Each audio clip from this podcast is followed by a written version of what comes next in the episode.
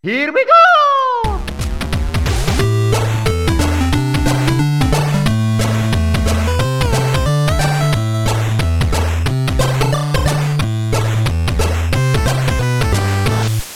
Welkom bij Buttonbashers aflevering nummer 86. De eerste na onze marathon-uitzending. Ben je een beetje wakker, Steve? Ben je een beetje bijgekomen van die eh, bijna 7 uur podcast die we gemaakt hebben? Ja, dat hakte er wel in. Ja, hè? Ja, ik, eh, ik voelde me eigenlijk een beetje uitgeluld, maar, maar toch niet. Nee. Want ik, ik zei het net nog, eh, in het kader van deze uit, eh, uitzending... Ik heb echt een, een boekje vol met aantekeningen. Oké, allemaal voor deze uitzending. Of nog terugkijkend op, misschien. Nee, allemaal voor deze uitzending. En zelfs voor komende uitzendingen. Oh, Want ik, zo. heb, ik heb nu voor het eerst sinds, ja, sinds, sinds lange tijd... heb ik een Buttonbashers boekje. Een but- is dat net iets als een molboekje? Ik Of weet niet het- wat een molboekje is. Ja, Oh, kijk. ik, denk dat ik wel kan gokken wat een molboekje is. Jij kijkt geen Wie is de Mol, begrijp ik. Nee, ik kijk geen Wie is de, de Mol. Nou, dat Maar is wel denk- een beetje een dat- tegenvallertje. Dat, dat zijn allemaal aantekeningen over wie de mol zou kunnen zijn en wat de mol gedaan heeft en allemaal van dat soort eh, dingen. Ja, precies. En wat opgevallen is, wie waar geld heeft binnengebracht, wie welke kleur trui aan had op welke dag. Allemaal informatie, zeg maar. Eh, ook van wie, eh, wie, wat wiens favoriete bordspel is. Eh, om dat een beetje info te verzamelen. Dat soort dingen. Dat, staat al, kunnen mensen allemaal in een molboekje schrijven. Maar dat is het dus niet. Het is, heb je dan eens, moeten we het dan vergelijken met een soort programmaboekje van een eh, musical? Je zou er wel een goede musical voor kunnen maken, denk ik. Buttonbashers the Musical. Oké. die, eh, die is wel eens eerder gesuggereerd, trouwens. Buttonbashers, eh, Bu- Buttonbashers the musical. Echt waar? Door wie dan? Dat was door, ehm, ja, door David. David heeft verschillende keren, zeg maar, Buttonbashers eh, the musical, eh, eh, ja, in ieder geval bij mij geopperd. Oké. En dan, dan zouden denk ik al... eh, ik, ik denk dat zeg maar, dat portret wat hij toen gemaakt heeft... wel een goede, een goede poster zou kunnen ja, zijn. mooi affiche. Dat zou een mooie affiche kunnen zijn. Oké, kan jij een beetje zingen, Niels? Eh, backing vocals. Oké. Als jij de main, de, wat is het? De, de lead, Lead? vocal bent, dan doe ik wel backs. Ah, ik weet niet of dat echt aan mij besteed is. Ik weet niet of ik daar echt zo'n onwijze zanger voor ben, zeg maar. Of Dus, ben jij ja. meer zo'n zo'n scatter? Zo skibidibidibidabdoe. Ja, ik denk... Ik vind, ehm, ik vind Mike wel een scatman. Oké. Ja, Maar wat, ik vraag me af... Hij is inmiddels natuurlijk ter ziele, Scatman John. ja. Ehm, ik, ik vraag me af of, of hij wist dat scatten ook zeg maar slang was voor plasseks. Ja, ik, eh, ik, ik, ik weet het daarvoor. Toen jij zei van ik vind Mike wel een scatman, dacht ik, ik weet niet of ik hiermee vergeleken wil worden eigenlijk. Hmm, ja, nee, dat, het is niet helemaal mijn ding, denk ik. Ik denk dat ik toch meer, ik ben wel van de techniek dan. eh. Dan mogen Ja. jullie wel op het podium. Nee, ik weet niet of een musical zo, eh, zo slim is. Nou ja, het is in ieder geval mooi, Steve, dat je een hoop aantekeningen hebt. En ik heb er Ja. ook één. Ik, er is iets waar ik op terug wil komen. En dat is eigenlijk Een richting jou. rectificatie. Nou, dat, die, die rectificatie moet dan uit jouw mond komen, Steve. Want jij, we, we hebben het natuurlijk wel eens gehad over eh, eh, Fire Emblem, eh, wat is het, Heroes natuurlijk. Hè? Dat jullie daar af en toe eens wat geld aan uitgeven en zo. Ja. En, en toen kwam het ook wel eens op Hearthstone. En toen heb je maar ook stiekem een will genoemd voor Hearthstone. En daar ben ik benieuwd hoeveel geld, Steve, zou ik moeten uitgeven per jaar, ik noem maar even wat, aan Hearthstone om echt een will te zijn. Ik, denk ik- dat jij, ik denk dat jij geen echte whale bent hoor. Oh, gelukkig. Ik heb namelijk uitgerekend ehm, hoeveel geld ik in vier jaar heb uitgegeven aan Hearthstone. En hoeveel geld ik heb uitgerekend, heb uitgegeven aan Fire Emblem ook? Nee, want dat, dit, dat is voor mij natuurlijk heel moeilijk. Ik kan niet op, jouw eh, op jouw Nee. creditcardrekening kijken. nee, om jij, te jij zien, bent eh, geen whale. Jij bent hoogstens een dolfijntje. Oh, kijk, dat is Jij, toch wel... jij eh, bent het soort dolfijntje, Mike, Ja? wat heel veel meiden met liefde, zeg maar, op hun scheen zouden tatoeëren. Oké, nou Bianca heeft toevallig een dolfijntje op de schouder. Dus dat is... eh, Dat bedoel ik. Zo'n soort dolfijntje ben jij. Jij bent een knuffeldolfijntje. Oh, het is wel een dolfijntje bij Bianca die er al heel lang staat. Dus inmiddels lijkt het een beetje op zo'n smurfensnoepje wat te lang in de zon heeft gelegen. Maar Ja. voor de rest eh, is het wel een dolfijntje. Maar goed, ik, ik zat podcast 85 eh, te luisteren. hè, en daar kwam er toevallig nog een keer ergens iets in bij. Toen dacht ik, oh ja, ik moet het eventjes, want nu weet ik het namelijk, hoeveel ik heb Ja. uit. Wat gok jij, Steve, in vier jaar Hearthstone? Wat denk je dat ik daaraan uit heb Vier gegeven? jaar, Vier jaar. 400 euro. Oké, nee, nog niet eens. 337 euro in vier jaar. Nou, Nou, het eh, zit wel in die orde van grootte. dat maar wel, ja, ja, ja. Dus dat valt nog wel mee, toch? vind ik wel. Omgerekend noemen we het gewoon eventjes 5, 6 spellen. Ja. Nou, dat, is, eh, dat vond ik prima te doen. Dus voor iedereen die luistert en die zich al jaren afvraagt, dat denk ik niet. Maar het, toevallig kwam ik erachter hoeveel ik had uitgegeven. Ik heb het zitten uitrekenen. Het is, eh, dit is het bedrag geweest in al, die, eh, in al die tijd. En daar zit één cosmetisch dingetje bij. Van 9 euro. Dus daar, en ja, wat was dat? Een skin voor een nieuwe hero. Ik had mezelf, nou ja, beloofd. Of ik had met mezelf afgesproken. Als je in Hearthstone 500 potjes wint met een bepaalde klas. En er zijn er 9. Als je 500 potjes wint, dan krijg je zeg maar een gouden hero. Dan is het randje eromheen is goud. En de hero power wordt goud. En dat had ik gehaald met Hunter. En daar was een skin voor, voor een vrouwelijke Hunter. Het is niet alleen het plaatje, het is ook de dingen die die dan gezegd worden in de game zijn anders en met de vrouwelijke stem. De Dus, teksten eh, en zo. Ja, de tekst en eh, de opmerkingen en dat soort zaken. En eh, ja, goed, dus ik had mezelf had ik, eh, beloofd van oké, op het moment dat ik 500 winst met Hunter haal, dan koop ik de vrouwelijke Hunter. Dus dat heb ik eh, destijds gedaan. En voor de rest, ja, voor de rest is het, is het alleen maar pakjes eigenlijk. Dat is best wel een hoop, maar voor vier jaar is dat geloof ik, ik weet niet waar het dan op uitkomt, misschien een, paar euro per maand of zo. Dus dat is nog wel te doen, vond ik. Vind ik ook. En joh, qua plezier weet ik dat, dat het het allemaal waard is voor jou. Dus Ja. dat is het belangrijkste. Zeker, zeker. Toernooien en dat soort dingen allemaal. Dus. Maar goed, het, het was een notitie die ik nog even had staan. voordat we gingen beginnen met waar we mee eh, gaan beginnen. Ik denk, die moet, ik, eh, die moet ik er toch nog even een keer uitgooien. Toch zit het wel diep als je hiervoor rectificatie wilt. Nou, het zit niet ah, diep, diep, diep nieuws. Nee, ja, het, ik kwam er toevallig achter. Ik kom nooit op mijn eh, Blizzard-account om te kijken bij mijn transacties. Maar er was iets magisch gebeurd met mijn account. Waardoor ik toch eventjes wilde kijken eh, of er niet ergens stiekem geld weggecijpeld was. Ja, en toen, toen logde ik in op mijn rekeningoverzicht eh, op, op de Blizzard-website. En daar zag ik dit in één keer staan. Toen dacht ik, zal ik het voor de grap eens optellen? Dus ik heb er wel iets van werk van gemaakt. Ja. Dat wel. Want hij telt het niet automatisch op. Maar het, het is niet zo dat ik er nachten van wakker heb gelegen hoor, Niels. Zo Ik erg. wel hoor. Ja, echt waar? Ja, ja, echt. Elke keer als ik zeg maar gewoon in mijn bed lig, heb ik twee grote levensvragen.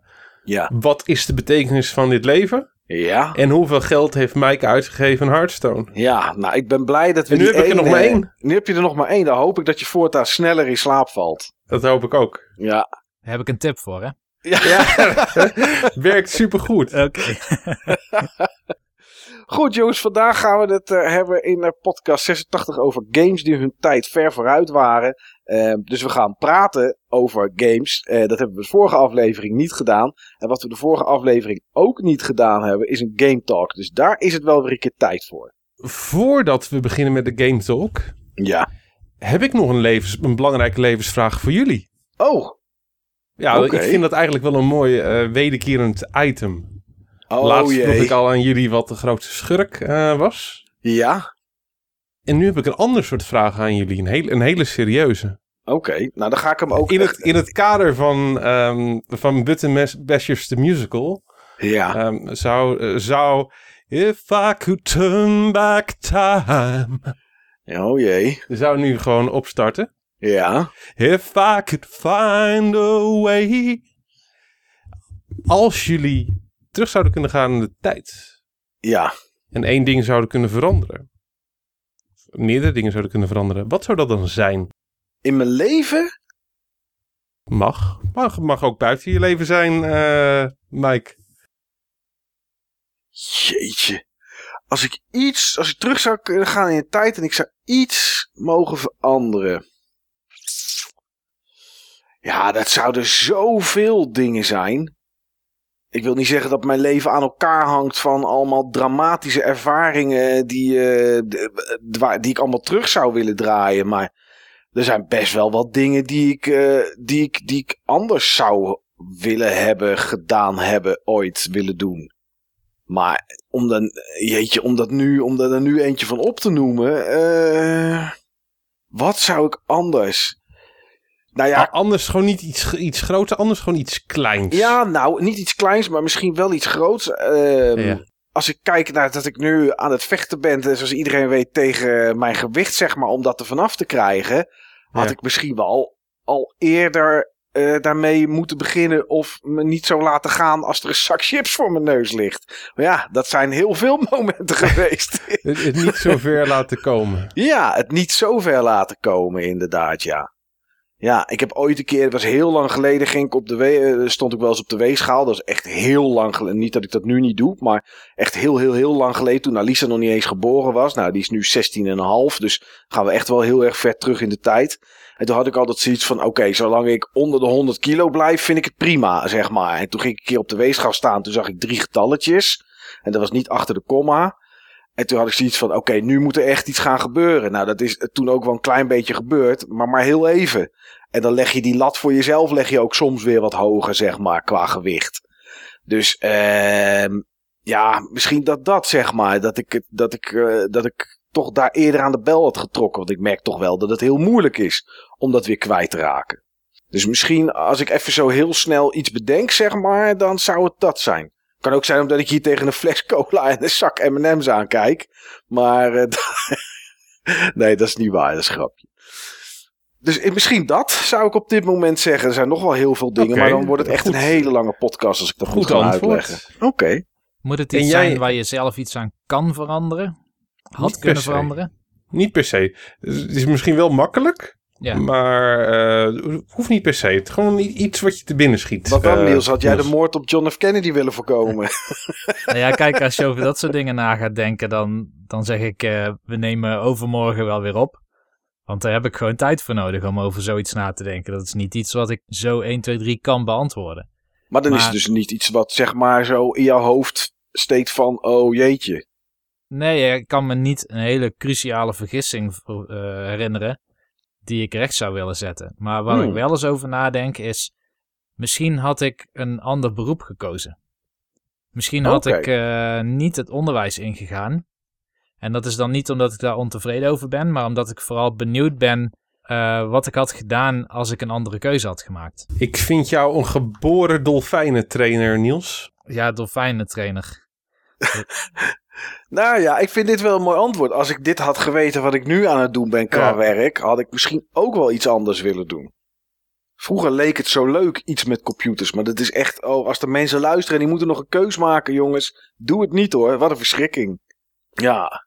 Ja, ik, ik vind het hartstikke leuk, maar in mijn geval doen andere mensen dingen met, uh, met computers. En ik zorg, eh, zorg ik ervoor dat ze dat kunnen doen. Ja, precies. Ja, dat dus eigenlijk, eigenlijk, moet ik het misschien eens aan hun vragen. Ja, in theorie doe ik dat ook. Zo leuk is. Ja. Ik zorg voor andere mensen dat zij iets kunnen doen met hun computers. Maar als het het niet doet, en daar zit het een verschil in, dan ben ik degene die het op moet lossen. Dus dat is misschien het verschil, Steve. Oké. Ja. En jij zelf? Ik geloof er niet in om grote dingen te veranderen. Um, ik, ik ben zelf bang voor het sneeuwbaleffect uh, daarvan. Um, ik vind ook van dat uh, je bent de keuzes die je hebt gemaakt. En als je zeg maar daarin iets wil veranderen, doe dat richting de toekomst. Uh, neem dat op gewoon als, uh, als leerpunt. Het zit ook allemaal verwerkt in je persoonlijkheid. Het zit gewoon verwerkt in, in je leven. En God mag weten wat er gebeurd zou zijn als het anders zou zijn gegaan. En ja, misschien kom je helemaal niet op een beter punt uit. Kijk naar, uh, naar de Butterfly Effect. Hè? Geweldig mm. film trouwens, de Butterfly Effect. Maar ik weet zeker dat er, dat er drie dingen niet zoveel pijn doen als ik dat zou veranderen. Dat zou zijn wanneer ik uh, op de eerste verzamelbeurs waar ik ooit geweest ben, uh, was samen met Jelle en nog een vriend van, uh, van Jelle, waar één steentje was met allemaal retro games, voornamelijk Super Nintendo. Als ik toen een Mega Man 2 had gekocht, of een Mega Man X2 had gekocht voor 60 euro. Ja, Ik denk niet van dat daarmee ehm, de Polen zouden schiften. Als die Dat zeg denk maar ik ook niet. In, in mijn verzameling terecht was gekomen. eh, in plaats van die van iemand anders. En ik, ik dacht gewoon letterlijk 60 euro voor zo'n oud spel. Is toch bezopen? ja. Inmiddels staat hij op 500, denk ik. Ik denk dat hij in veel gevallen de 1000 passeert. Oké. Dat, Ja. een aankoop. Een ander ding wat ik zou veranderen, ook een aankoop. En ook iets wat een mooi bruggetje is. Dat ehm, ik liep toen op Koningsdag. En toen was ik ehm, juist al meer met, eh, met games bezig. En toen eh, liep ik op Koningsdag, eh, de Koningsdagmarkt hier in Gouda. En daar stond een prachtige G.I. Joe Tomahawk helikopter. Volgens mij helemaal compleet. Met echt een shitload aan G.I. Joe figuren erbij. Ja. Be- best goedkoop. En heb ik niet gekocht, want wat moet je ermee? Ja. En ik ben later die dag ben ik nog een keer teruggegaan. En uiteraard was hij toen weg. Ja. Toen had ik spijt. Nou, dat soort momentjes heb ik wel heel veel. Dat ik op een konings, eh, Koningsdag loop of op een rommelmarkt. En dat ik denk, oké, ja, deze game, weet je, voor 5 euro vind ik net wat te veel. En die game boeit me ook eigenlijk niet zo. En dan loop ik verder en dan vind ik niks. En denk ik, nou, laat ik dat dan in ieder geval maar meenemen. Dan heb ik iets en dan loop je terug en is het weg. Ja, Ja. ja, Dus daar wordt je leven echt niet minder van, maar het is toch jammer. zeker. Ja, Ik had- dat is het. Ik, ik zit nu naar het hoekje te kijken waar die mooi had kunnen hangen. Die Tomahawk Oh. helikopter. Wat hangt er nu? Of hangt er nu niks? Nu, nu hangt er niks. Gewoon om jezelf te reminden heb je expres Ja. niks opgehangen. Ja. ja. Dat zijn twee van de drie dingen. En het derde ding wat ik zou veranderen. Ik zou beter luisteren naar Niels. Oh jee, Ik zou beter luisteren naar Niels. dat denk je nu. Maar denk van het butterfly effect. daar, daar kom ik zo meteen nog wel op. Oké, dus je gaat nog niet Ja. vertellen wat het is, maar daar kom je zo op. Beter luisteren naar Niels.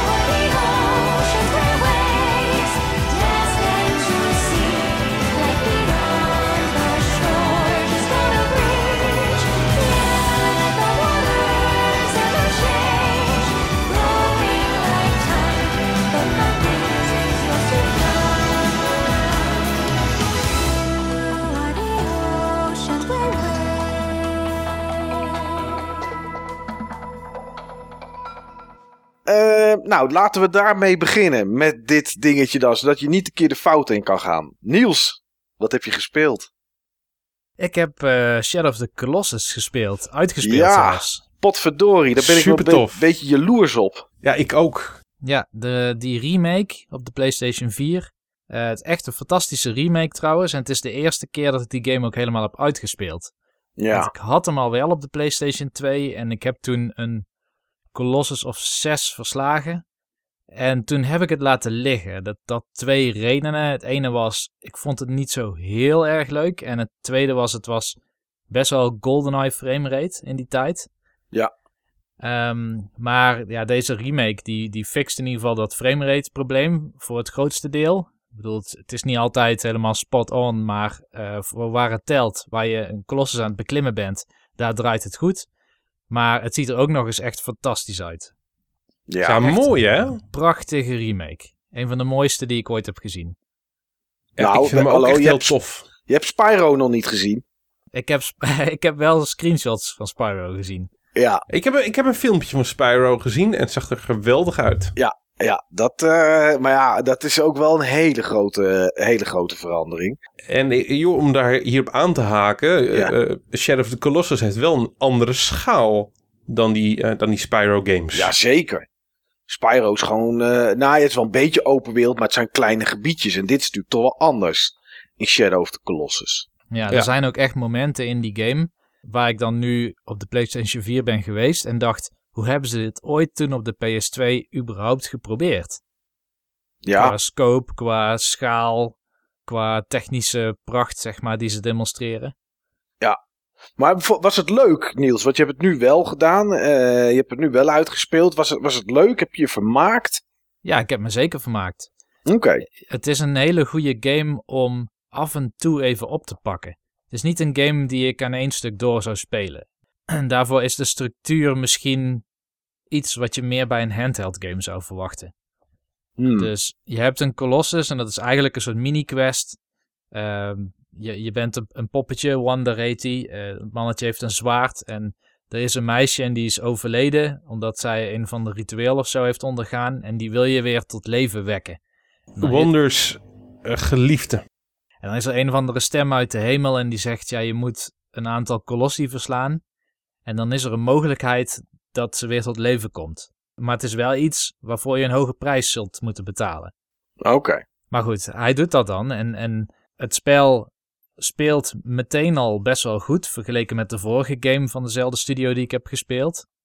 Het was eh, The Last Guardian. Ja. Het is een veel betere game als je het mij vraagt dan The Last Guardian. Ja, mag ik daar één ding op toevoegen, Niels? Ja, Eh, dat, is een beet, dat is een game van dezelfde studio, maar toch ook weer niet. Eh, want het is natuurlijk, zeg maar, beide zijn games van, hoe heet het ook alweer, Niels? Team Ico. Team Ico. Team Ico inderdaad, ja. Ja. Alleen eh The Last Guardian die is volledig gemaakt door Team Ico. En eh, Shadow of the Colossus is een, eh, is een game van Team Ico die eigenlijk in twee iteraties ehm, van de studio die dat verder heeft opgepakt, Bluepoint Games, geworden is tot hetgeen wat jij nu gespeeld hebt. Die hebben de remake gedaan op de PS3. En dat was een redelijk straight-on eh, remake. Waarbij ze toch ook wel de nodige dingen aan he- hebben gedaan. En nu zijn ze echt helemaal los gegaan. Technisch eh, gezien en hoe het, eh, en hoe het werkt, is het in, en hoe het geoptimaliseerd is op de PS4, is het meer een game van Bluepoint dan van Team Ico. Ja, dat denk ik ook wel. Het blijft aan de ene kant heel trouw aan het origineel. Ehm, dus ze hebben niet echt iets aan de gameplay per se veranderd. Ik geloof dat er een soort items zijn die je kan vinden. Dat is iets wat Bluepoint heeft toegevoegd. Maar voor de rest is het nog precies zoals ik me herinner van de PlayStation 2 versie. Maar dan gewoon met hele strakke, moderne, nieuwe graphics. Het ziet er echt heel erg goed uit. Überhaupt qua toon van de kleuren en zo. En, ehm, en, en natuurlijk die, die performance, die een wereld van verschil maakt. Ja. Want Dat hoe het werkt is, zo. je krijgt elke keer aan het begin eh, dat je een quest doet. En zo'n quest duurt ongeveer een half uur tot drie kwartier. Dan krijg je een hint van de volgende Colossus zit in de woestijn, bijvoorbeeld. En ehm, je begint in een soort tempel elke keer. Daar word je ook elke keer naar teruggestuurd. En dan kun je naar buiten met, met een paard. En als je je zwaard dan de lucht heen de lucht insteekt, een beetje als in Skyward Sword, zeg maar, dan komt er een beam uit en die wijst naar waar die Colossus hemelsbreed ongeveer is. En wat ik al vergeten was, is hoe groot die wereld eigenlijk is van Shadow of the Colossus. Het is niet zomaar een soort Ocarina of Time wereldje of zo. Hij is echt veel en veel groter dan dat. Hij is misschien wel iets te groot zelfs in bepaalde opzichten, want je moet soms zo vaak door hetzelfde gebied lopen voor een minuut of vijf, misschien meer, zonder dat je ook maar iets tegenkomt. Er zijn geen ruïnes, geen dorpjes, geen vijanden, geen niks, hè, maar het is alleen die lege wereld en die kolossie. Daar, daar is bewust voor gekozen. Ja, dat klopt. Je hebt wel een vogeltje af en toe. Oh, zo. Dat Kijk wel. zeg. Dat is wel goed natuurlijk. Maar in ieder geval, je weet waar je heen moet, maar het is niet zo makkelijk als gewoon die beam volgen. Omdat die beam dus hemelsbreed is. Dus soms dan moet je langs een bergpas of je moet ergens een grot zien te vinden en daar doorheen gaan om bij het punt uit te komen waar die beam naar wijst. En op het moment dat je dan op de locatie bent van zo'n kolossus, dan wordt een cutscene getriggerd en dan zie je zo langzaamaan zo'n enorm groot beest op je af kruipen of lopen of door de grond heen eh, bewegen. En dan is het eigenlijk een puzzel van hoe kom ik bij de zwakke plek van het monster. Ook Ja. daar wijst die beam dan weer naar, maar eh, het is nog niet zo heel makkelijk, want soms dan zit zo'n zwakke plek bijvoorbeeld op een schouder, maar zie dan maar eens te komen. Hoe moet je daar dan opklimmen? De eerste paar monsters zijn best wel makkelijk, want eh, meestal op het moment dat zo'n monster gaat hurken of gaat zitten of zo, dan kun je de vacht vastpakken en dan kun je daarin klimmen en dan klim je zo op zijn rug. Maar op een gegeven moment in het spel heb je ook hele grote vliegende kolosses die in de lucht blijven, maar waar je eerst iets voor moet doen voordat ze naar de grond te komen. Oké, moet je wat te eten neerleggen bijvoorbeeld? Dat zoiets zou het kunnen zijn. Nou, Ja. niet, niet die oplossing, maar het heeft vaak wel iets met de omgeving te maken of iets met, je hebt namelijk ook een pijl en boog. Misschien moet je daar iets mee doen om ze kwaad te maken, zodat ze iets gaan doen. Maar het, ik zou niet zeggen dat het iets, steeds iets uitdagender wordt, maar er zit wel veel afwisseling in die Colossus. Oké. Ja, ik heb zelf ooit de eerste eh, verslagen op de PlayStation 2. En toen kwam de bekende gedachte die ik bij eh, miljoenen games heb gehad. Oké, dit is tof, dit ga ik een keer verder spelen en dat was het.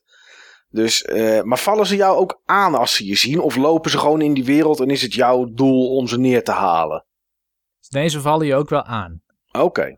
Het is niet zo, en dat dacht ik de eerste keer dat ik de game speelde op PlayStation 2, dat het hele gewoon vrede, lievende beesten waren die gewoon hun eigen ding maar aan het doen zijn en jij bent de agressor. Ja, precies. Je bent absoluut een agressor in de game, maar het is niet alsof die monsters eh, jou ook gewoon maar een beetje rond laten lopen daar.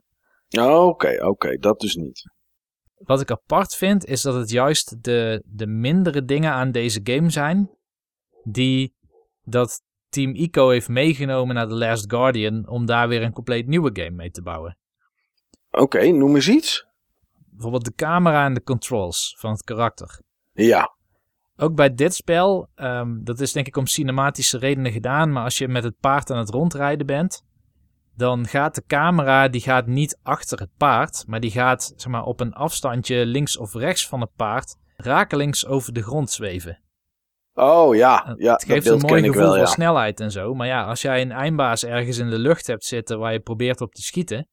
En ehm, Dat is een beetje lastig je dan, probeert, ja. ja, precies. Ik heb zo vaak gehad dat ik niet zag dat, ik, dat er ergens een rotsblok of zo in de weg stond. En dat je daar met je paard dan vol in rijdt. Heel vaak Ja. heb, je, heb je gewoon problemen met navigatie. Doordat die camera zijn eigen cinematische ding aan het doen is. Oké, ja, dat eh, klinkt wel als The Last Guardian inderdaad, ja. Ja, en ook gewoon van die super yank-ass character controls. en, en dit spel bestuurt beter dan The Last Guardian. Het is niet zo lastig, zeg maar. Maar je hebt toch nog wel af en toe dat zo'n poppetje struikelt zonder dat je er iets aan had kunnen doen. Ehm, of je springt ergens naartoe, je wil iets vastgrijpen. En dat doet hij dan ook. En dan wil je vervolgens ergens opklimmen. Maar dan raakt één handje los. Omwille van een of ander physics systeem. En dat kan gewoon frustrerend zijn. Ik had bijvoorbeeld bij de allerlaatste eindbaas, dan moet je een stukje voor klimmen. En de eerste keer dat ik dat deed, dat ging meteen helemaal goed. Ik klom meteen helemaal naar de top. Nou ja, toen schoot het handje los van het karakter, viel ik dus weer helemaal naar beneden. En de volgende drie pogingen die ik heb gedaan, was er altijd wel iets waar ik het idee had dat het niet aan mij lag. dat ik de hele berg weer naar beneden donderde. Ja, En dat is puur de implementatie van die character controls. Dat is een keuze, maar dat is voor mij echt wel een slechte keuze. ja, ja, dat vind ik altijd hinderlijk. Als er iets gebeurt en je niet het gevoel hebt dat je daar iets aan hebt kunnen doen, zeg maar. Nee. Oké. Maar voor de rest is het wel echt een aanrader. Het is wel een game waarvan ik denk dat de meeste mensen die zich ook maar een beetje aangetrokken voelen door de game, die echt gespeeld moet worden door die mensen. Oké. Ik heb zo'n top 100 topic gemaakt vorig jaar.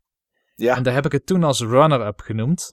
Maar ik denk dat ik inmiddels de game wel in die top 100 op zou nemen. Zo rond plaats 60 of zo. Oh, dat is, eh, dan doet hij het toch wel goed, zeg maar. Ja, Oké, netjes.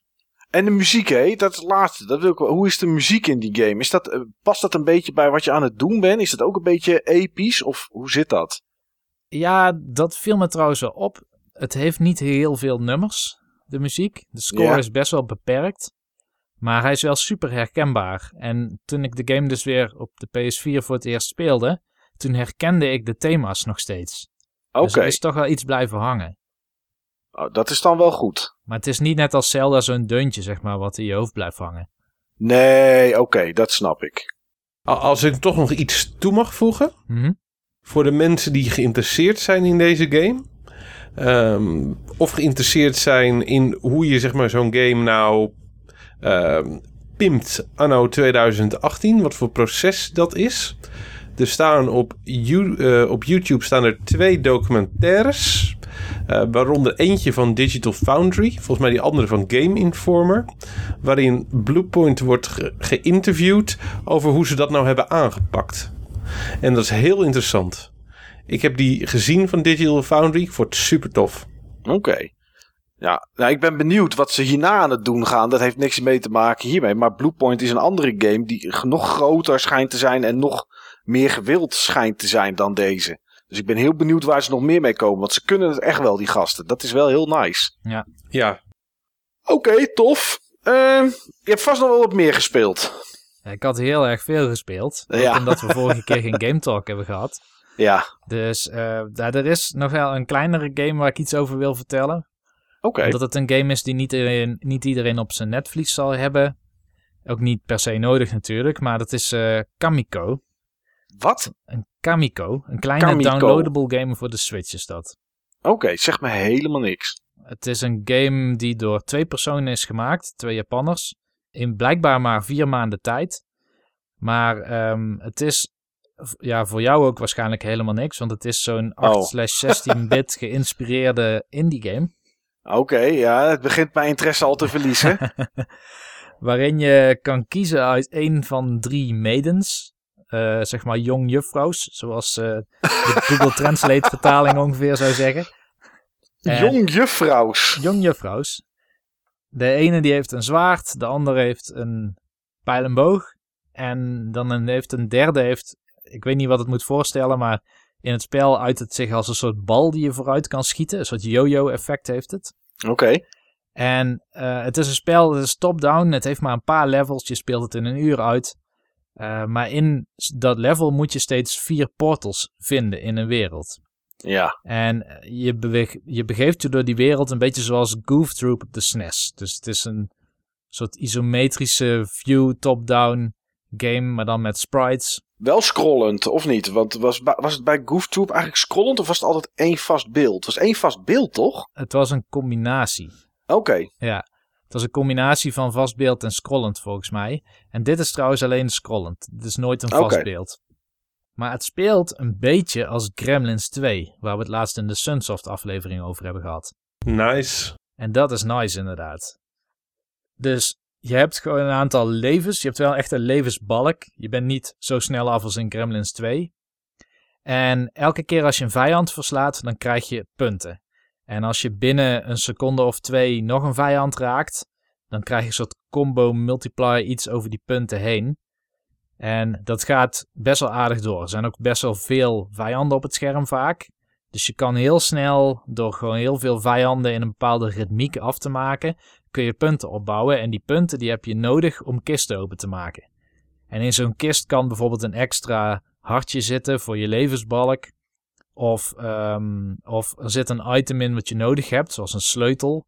Of een soort magische bal of zo die je in een paal moet zetten, waardoor een portal open gaat. Maar ehm, elk level is een soort mini doolhofje. Waarin je dus die, die, die vier portalen moet activeren. Vervolgens ga je dan door een deur en dan kom je bij een eindbaas. En dat is echt een Zelda-achtige eindbaas. Die soms wel wat bullet hell trekjes kan vertonen. Oké, dat Maar- is wel leuk. En dat is, dat is zeker leuk. Het is niet, niet super moeilijk. Ik bedoel, mijn eindtijd was 1 uur en 8 minuten. Oh, Dus dat is geen game waar ik heel vaak over heb gedaan. nee. Maar, ehm, eh, maar, maar je hebt bijvoorbeeld de allereerste eindbaas. Dat is een soort springend standbeeld. Dat is echt wel een Zelda-trope die je heel vaak ziet. En die moet je op switches laten springen. Dus je moet hem telkens ergens naartoe lokken, zodat hij op een knopje landt. En als alle vier de knoppen geactiveerd zijn, dan is hij te raken. Ah, oké. Dus soms zit er zo'n soort puzzel-element achter. Ja. Dat is niet altijd, want je hebt ook andere eindbazen en die schieten lasers en ballen overal heen. En dan is er één bal van al die ballen, die kun je dan raken om hitpoints van die eindbaas af te halen. Oké, maar uur en, en zeven minuten of acht minuten was het. Dat is inderdaad niet veel, zeker niet als je de game voor de eerste keer speelt. Dat is vrij snel gebeurd dan.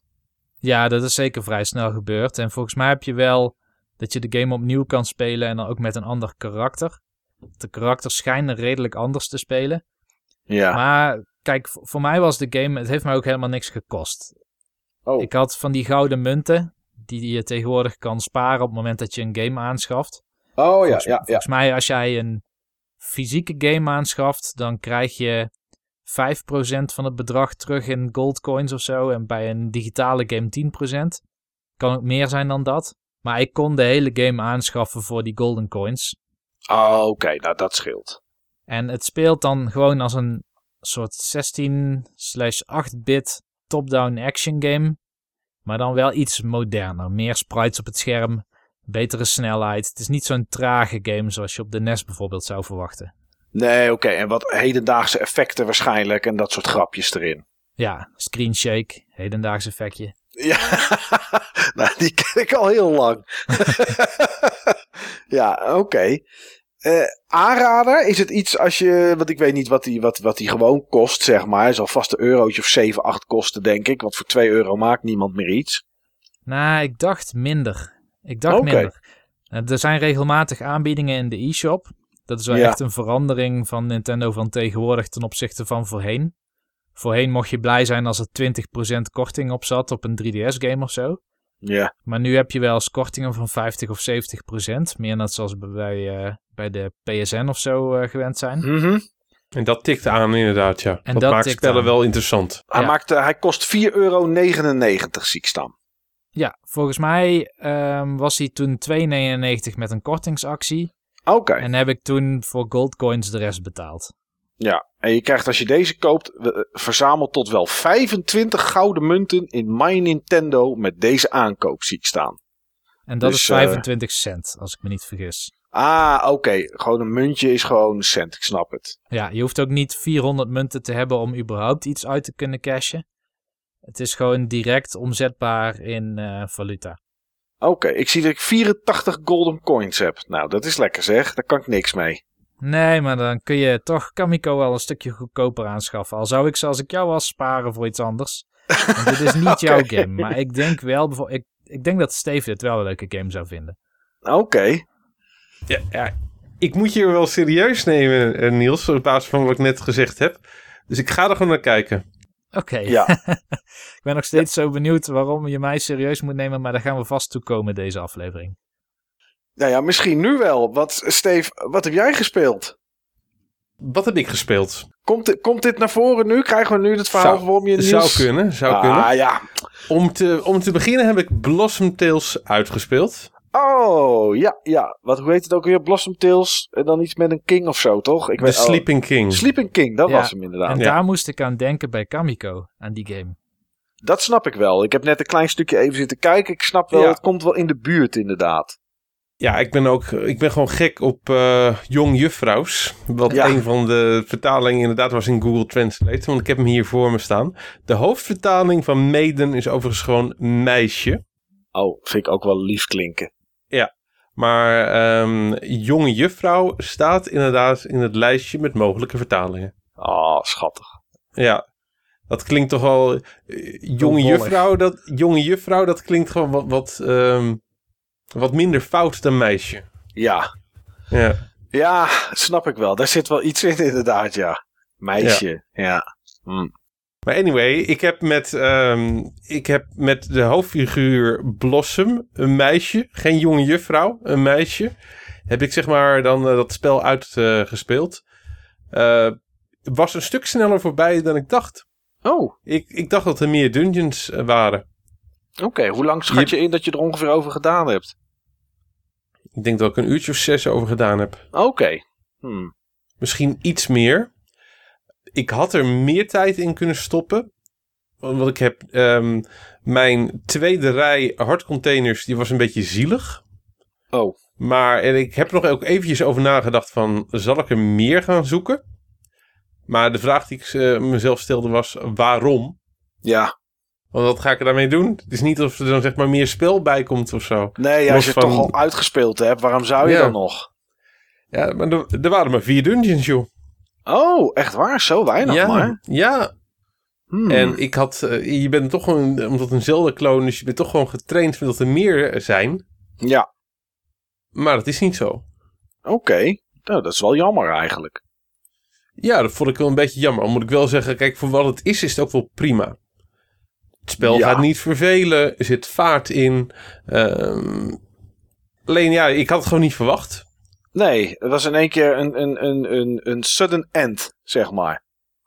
Ja, ik, ik, had, ik had op een gegeven moment had ik wel zoiets van, joh, volgens mij ga ik naar het eind toe. Of er zit nog een heel stuk achter. Ja, Echt eh, een een beetje zo'n gevoel wat je misschien had. eh, nou, dat had je niet. Want ik denk dat als je zeg maar niet het, eh, het niet van tevoren wist. Bij Symphony of the Night. toen je zeg maar richting die 100% ging. Dan dacht je gewoon, joh, dit stopt hè. Dit stopt 100%. Nee, Ja. nee, er zit nog een heel kasteel achter. Bam. Dus, eh, maar, maar ja, dit voelde ook een beetje alsof je tegen het eh, eind ging. En ik had een stukje twijfel. En mijn twijfel eh, raakte bevestigd. oké. Maar ik heb er plezier mee gehad. En het, het was ook gewoon goed. Door naar andere dingen. Ja. Ja, maar die heb ik in ieder geval uitgespeeld. En dat gebeurt me niet zo vaak. Van dat ik een spel uitspeel. Maar ik heb meer spellen uitgespeeld in deze periode. Oké. Ik ben benieuwd. Kijk hem gaan. Martijn was ook bij mij. Eh, moederbrein. Ja, onze, onze Martijn. Ja, Ehm, aflevering 1, Martijn. ja, klopt. En ehm, Martijn en ik zijn eh, bordspellen gaan spelen. Eh, en NES games. Oké. En we hebben Powerblade gespeeld. Samen. Die hebben we samen uitgespeeld. Om en om. Met oldschool rules. Ah, doodgaan En, eh, is wisselen. Doodgaan is wisselen. Wat betekent dat Martijn iets meer heeft gespeeld dan ik. Ja. Maar desalniettemin, we hebben zeg maar ook bij de gratie van Martijn... hebben we ongeveer wel net zoveel levels eh, uitgespeeld. Eh, Martijn heeft de eindbaas ehm, eh, verslagen, omdat ik zeg maar net op een... ik, ik ging op een haartje naar dood. Ja, en met Martijn natuurlijk niet. Nee, ja. Die is getraind hè, met eh, A- en B-knopjes. Ja, dat klopt. Dat is een gave game, eh Powerblade. Ehm, is, een, is een game die in sommige opzichten lijkt op Mega Man. Ik had hem in mijn hoofd opgeslagen als eh, zeg maar eigenlijk een, een Mega Man-achtige game van, van Taito. Mhm. Alleen dat, dat is minder het geval dan ik hem, dat ik hem had opgeslagen. Eh, het is een, eh, het is, het is een, bij Mega Man krijg je natuurlijk continu zeg maar die nieuwe wapens. Ja. eh, als je zeg maar een, een baas verslaat. En wat het met name gemeen heeft met Mega Man is je hebt zes levels. En je kiest zelf je volgorde van je levels. Ja. En daarna doe je het laatste level. Maar ehm, in elk level moet je een keycard zien te vinden. Die wordt gegeven door een gedropte, ehm, eh, door een ge- gedropte spion ergens in dat level. En eh, als je die keycard hebt, dan kan je de ruimte van de baas betreden. En in sommige levels moesten we even zoeken van, joh, waar, waar zit nou die spion? Dan hadden we zeg maar de, de deur naar de kamer van de baas al gevonden. Alleen hadden we de sleutel nog niet. Oh ja, Maar als je dat weet, zoeken. Ja. Ik vond het een heel erg tof, eh, tof spel. En eh, dat vind ik nog steeds. Muziek is echt fantastisch. Vooral de muziek van één van, ehm, volgens mij van, van level 1. Volgens mij hebben we ze gewoon op, op volgorde gespeeld. Dat is echt fantastisch. Ik, eh, ik had die al in mijn hoofd toen we hem gingen spelen. En eh, wat ik denk, ik zei ook tegen Martijn, volgens mij, is het, volgens mij gaat het zo. Ik ben het nu toevallig juist even eh, kwijt. Maar het, het was ook zo inderdaad. Zo'n geweldige, echt zo'n zo'n lekkere 8-bit NES tune. Zo'n lekkere vette 8-bit NES tune zoals ze horen te zijn. Nou, En- dat, is, dat is niet per se iets waar ik een hint van aanneem hoor. Geen jingle dadelijk tussendoor. Nee, nee, nee dat, ik probeer Niels. totaal... Lekkere Ik probeer. Lekker. Lekker. Lekker. Ja, echt Ik zo'n probeer- echt ik probeer 8-bit Niels- vette. ik probeer Niels te- echt totaal niet te beïnvloeden. Nee, Zo, nou, ik, zo ben ik niet. ik geloof ook dat dat niet gaat lukken.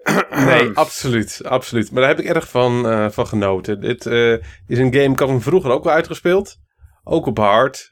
Eh, dit was zo'n game die ik altijd huurde. En die ik daarna zelf aan mijn eh, collectie heb, eh, heb toegevoegd. ja, En nu heb ik hem dus weer eens een keer uitgespeeld. Ik wil hem, ehm, dit was op normal en z'n tweeën.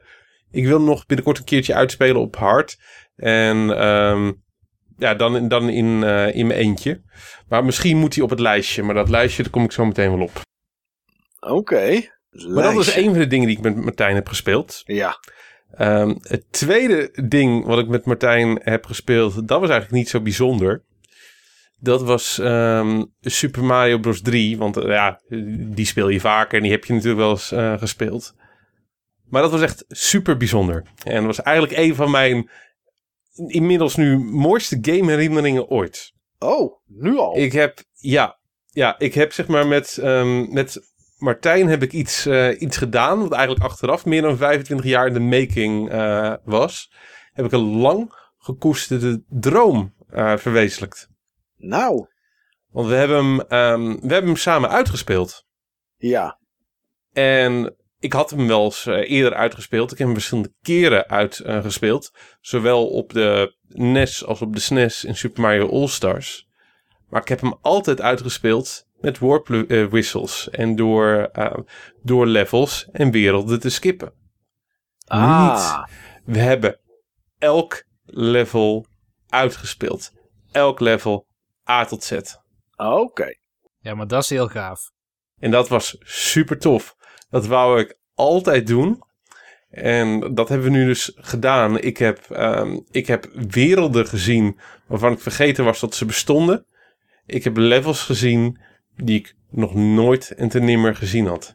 Oké, Ja. Super cool. dat is gaaf. Ja, en ik moet zeggen, ondanks alle skills van, eh, van Martijn, eh, dit is toch wel redelijk 50-50 uitgespeeld. Ik denk dat eh, als hij 55% van het spel gespeeld heb, heeft en ik 45, dan komt dat redelijk overeen. Oké.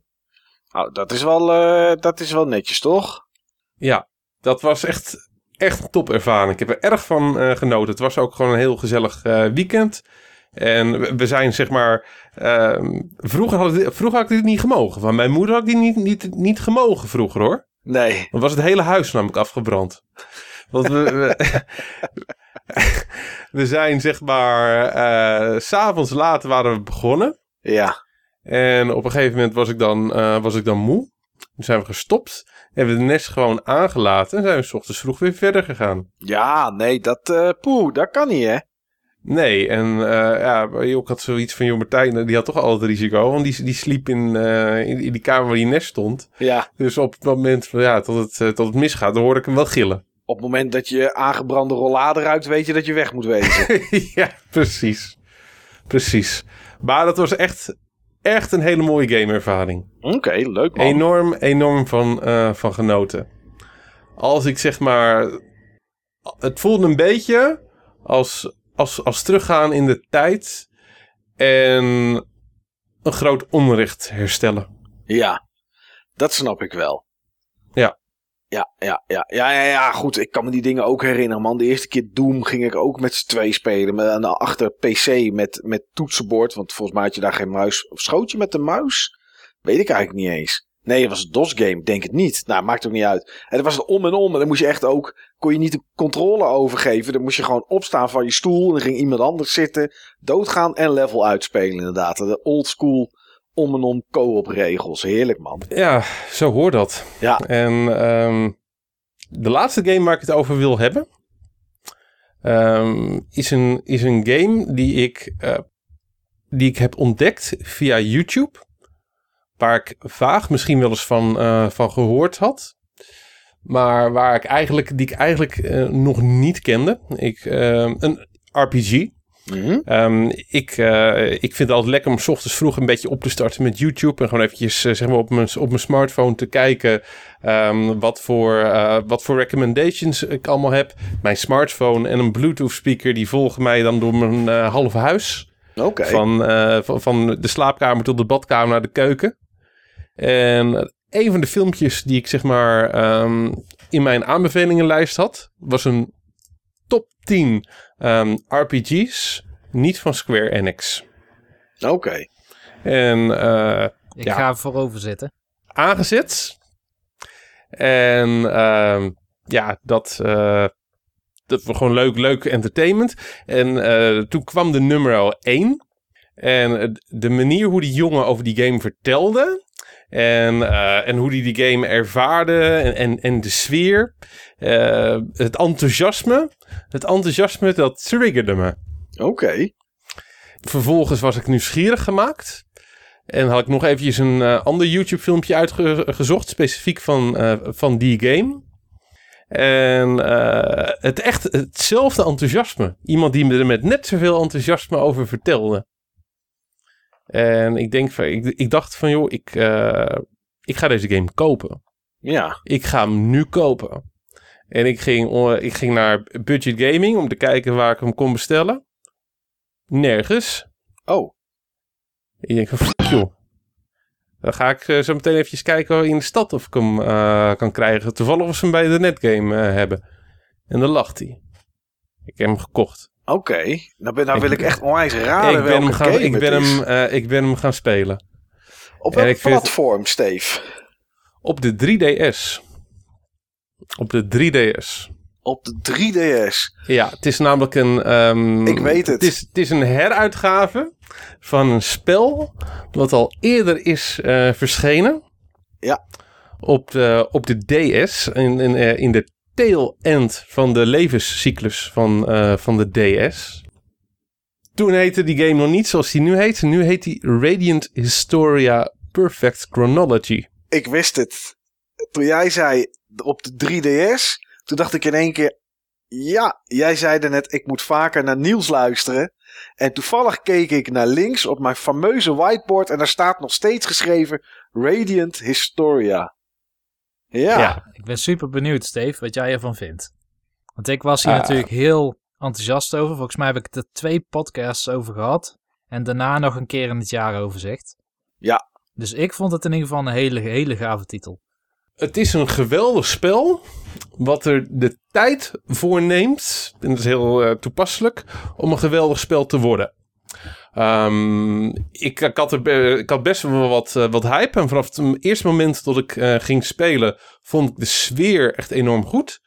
Alleen eh, zeker gewoon de, eer- de eerste twee uur. Je, krijgt, je krijgt echt alleen maar expositie gewoon voor je kiezen. Echt, echt heel veel verhaal. Ja. Ja, het is echt alsof, die, al die karakters die hebben een soort van praatclubje met elkaar. Het is een beetje alsof ze een podcast hebben. Oké, oh, gezellig. Ja, maar ehm, dat, daar moest ik eventjes gewoon aan ehm, eh, even, even inkomen. En het, het gevechtssysteem had ik echt hele goede dingen over, eh, over gehoord.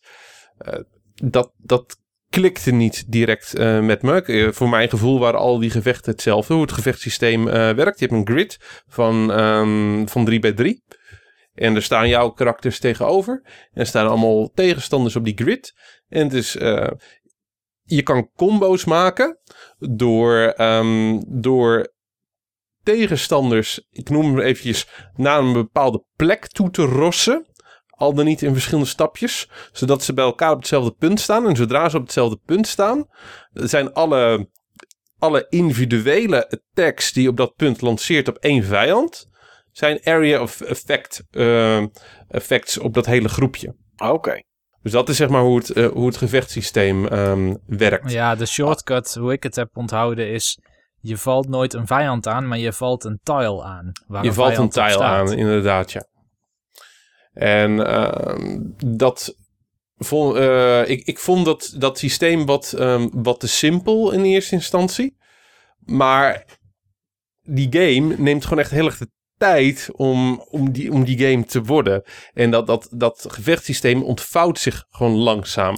Er komen steeds meer opties bij, zowel qua powers van, eh, van, je, eh, van je party als qua extra dingen die in dat systeem gepropt worden of gebracht worden, waarmee je zeg maar die manipulatie van die, eh, van die negen spots, ja, zeg maar hoe je er meer controle over hebt. Eh, die, die negen spots en de plek in de queue waarmee je zeg maar, eh, waarop je aanvalt. Dus eh, ja, echt mooi, een mooi gevechtssysteem. Wat ik ook heel erg tof vind, is het, is het verhaal. Het verhaal is sfeervol, het verhaal is grimmig. Het verhaal draait om, om tijdreizen. Ehm, eigenlijk ga je met behulp van een, een boek, The White Chronicle, ga je continu eh, terug in de tijd om, om je verkeerde keuzes te herstellen. En eh, dat is eigenlijk gewoon eh, zo werkt het. Er gebeurt iets, er gaat iemand dood. van je matties gaat, gaat dood. Ja, maar dat gaat niet gebeuren. Terug in de tijd, opgelost, joeper de poep. En op, op, op een gegeven moment was het een paar keer achter elkaar gebeurd. En ik had zoiets van, oké, maar dit, snap ik nu een beetje. Dit snap ik nu wel. Er gebeuren dingen. Je gaat terug in de tijd om het op te lossen. Nou, eh, eh, smooth sailing. Blue skies. Dus ja, ik vind dit niet echt het verhaal, het, eh, het epische RPG-verhaal, wat ik voor ogen had bij, ehm, bij deze game. Maar ik was toen niet ver genoeg in het spel. Ik ben gewoon doorgespeeld. Maar op, op een gegeven moment gebeuren er dingen. eh, dus eh, er gebeuren weer afschuwelijke dingen. En vervolgens dus, hup, terug in de tijd, oplossen. Dus niet. Weer terug in de tijd, weer dingen anders doen. Meer info. ehm, ander, soort, eh, ander soort dingen waarmee eh, de omstandigheden kan manipuleren die tot die gebeurtenissen leiden. Dus niet. Eh, bepaalde dingen zijn gewoon fatalistisch. Bepaalde dingen kun je dus echt niet, eh, niet vermijden. Of kun je tot nu toe niet, eh, niet vermijden. Juist omdat je dat tot dan toe niet gewend bent. Dat je alles gewoon op kan lossen. Op het moment dat er dingen gebeuren die niet op kan lossen. Het komt ook des te meer aan. En dat is echt wel heel tof gedaan. En wat ook echt heel erg tof gedaan is, is de, ehm, de continue manier van hoe je eigenlijk door, door, door verleden en heden. En wat verleden en heden is, dat, dat, dat loopt eigenlijk naadloos door elkaar heen. Voor jou is er geen verleden of heden. Eh, ja, hoe, hoe, je daar, hoe je door die continue tijdlijn eh, springt. Het is niet een tijdlijn, het zijn twee tijdlijnen. En in het geval van de 3DS-versie zijn het drie tijdlijnen. Heb- Is er ook nog een extra tijdlijn bovenop eh, gelegd met losse, eh, met losse gebeurtenissen ergens in het, eh, in het multiversum waar waar je naartoe springt, waarbij, waarbij bepaalde dingen eh, gebeurd zijn, waardoor dingen net eventjes iets anders zijn geweest. Dus die derde tijdslijn is eigenlijk niet één tijdlijn, maar allemaal losse punten in, in tal van tijdlijnen. En die geven je weer meer inzicht in, eh, in karakters. Dan zie je karakters ehm, die je anders nooit had, eh, had gezien. Of heb je een ander soort interactie met een karakter die je juist goed kent uit een andere tijdlijn. En leer je zo toch weer iets nieuws eh, van ze. Ook dat is heel erg tof gedaan. Ehm, ik vind het echt een heel gaaf spel. Ik speel het echt met heel veel plezier. En ik vind het echt zo'n gaaf spel. Dus één ding wat ik, niet aan, eh, wat ik er niet tof aan vind, vind ik een beetje jammer. Ehm, er is geen 3D ingebouwd. Oké, ja. Ja, En, en, het is, ja, eh, en het zou zich gewoon prima voor, ehm, voor, voor lenen. Je hebt gewoon regelmatig, omdat je zeg maar ehm, eh, portretten van de karakters hebt eh, op, op de voorgrond bij het verhaal en bij, eh, de, bij de dialogen. En alle dialogen zijn gesproken. Oké, dat is wel alle, netjes. alle grote karakters hebben gesproken dialogen. Volgens mij was het op de DS-versie nog niet zo, Niels. Dat weet ik niet meer. Volgens mij niet inderdaad. Ik weet voor 90% zeker dat dat nog niet het geval was en dat ze dat juist toegevoegd hebben in, eh, in de 3DS-versie. Ja, al hadden ze puur alleen daar gewoon zeg maar gelaagdheid eh, geïntroduceerd, dan was het al tof geweest. Ja. En, ik- en, ik- en ik snap het gewoon niet, eh, niet goed. Van je speelt op een grid. Juist dat grid kan je ook heel goed gelaagd aanbieden. Oké. En kijk, het, is mooier dan op de DS, maar het is niet gigantisch mooier dan op, ehm, op de DS. Nee. Maar dat, dat, boeit, dat boeit niet. Het is, eh, het is gewoon heel sfeervol en eh, het ziet er goed en verzorgd uit. Die portretten die zijn echt mooi. Ehm, de portretten zijn vervangen eh, ten opzichte van de 3DS. eh, ten opzichte van de DS-portretten. De portretten op de DS waren wat meer stemmig. Die waren wat, eh, wat, wat donker. Dit zijn wat meer anime-achtige portretten. En op de DS had je maar één portret per karakter. Nu heb je er meerdere varianten van, zodat er ook wat emotie in, eh, in gebracht kan, eh, kan worden. Ja, ik, ik heb die oorspronkelijke portretten nooit gezien, dus dat, dat stoort mij, mij niet. Als je de oorspronkelijke portretten wilt, kun je ze via DLC bijkopen. Oké. Grappig. Dat. Ja, wel, ja. ja, en in, er is ook een, willen, in, maar- in Amerika was er ook een limited edition van, ehm, van Perfect, eh, van eh, Radiant eh, Historia Perfect Chronology. Voor, die eigenlijk voor normale prijs is, is verkocht.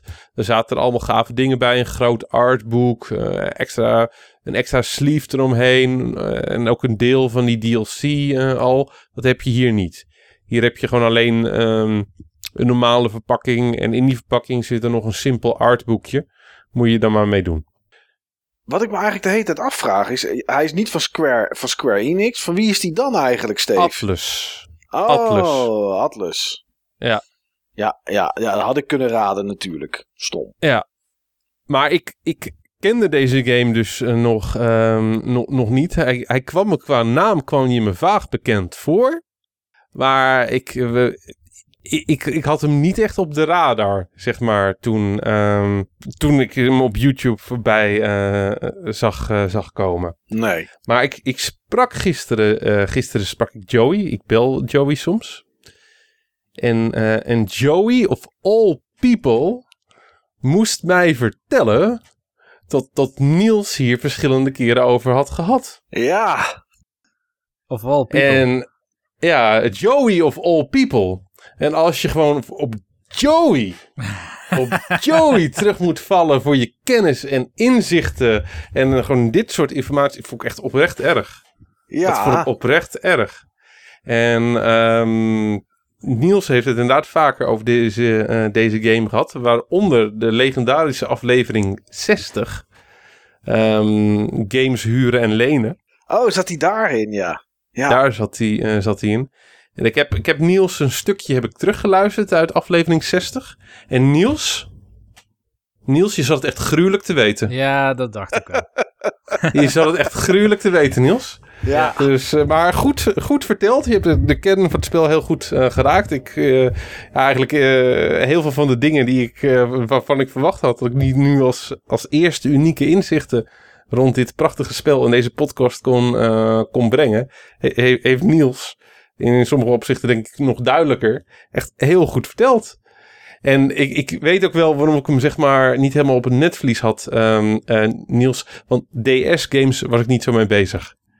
En toen, toen jij erover over had, toen was nog niet duidelijk dat hij ook op de 3DS zou komen. Klopt.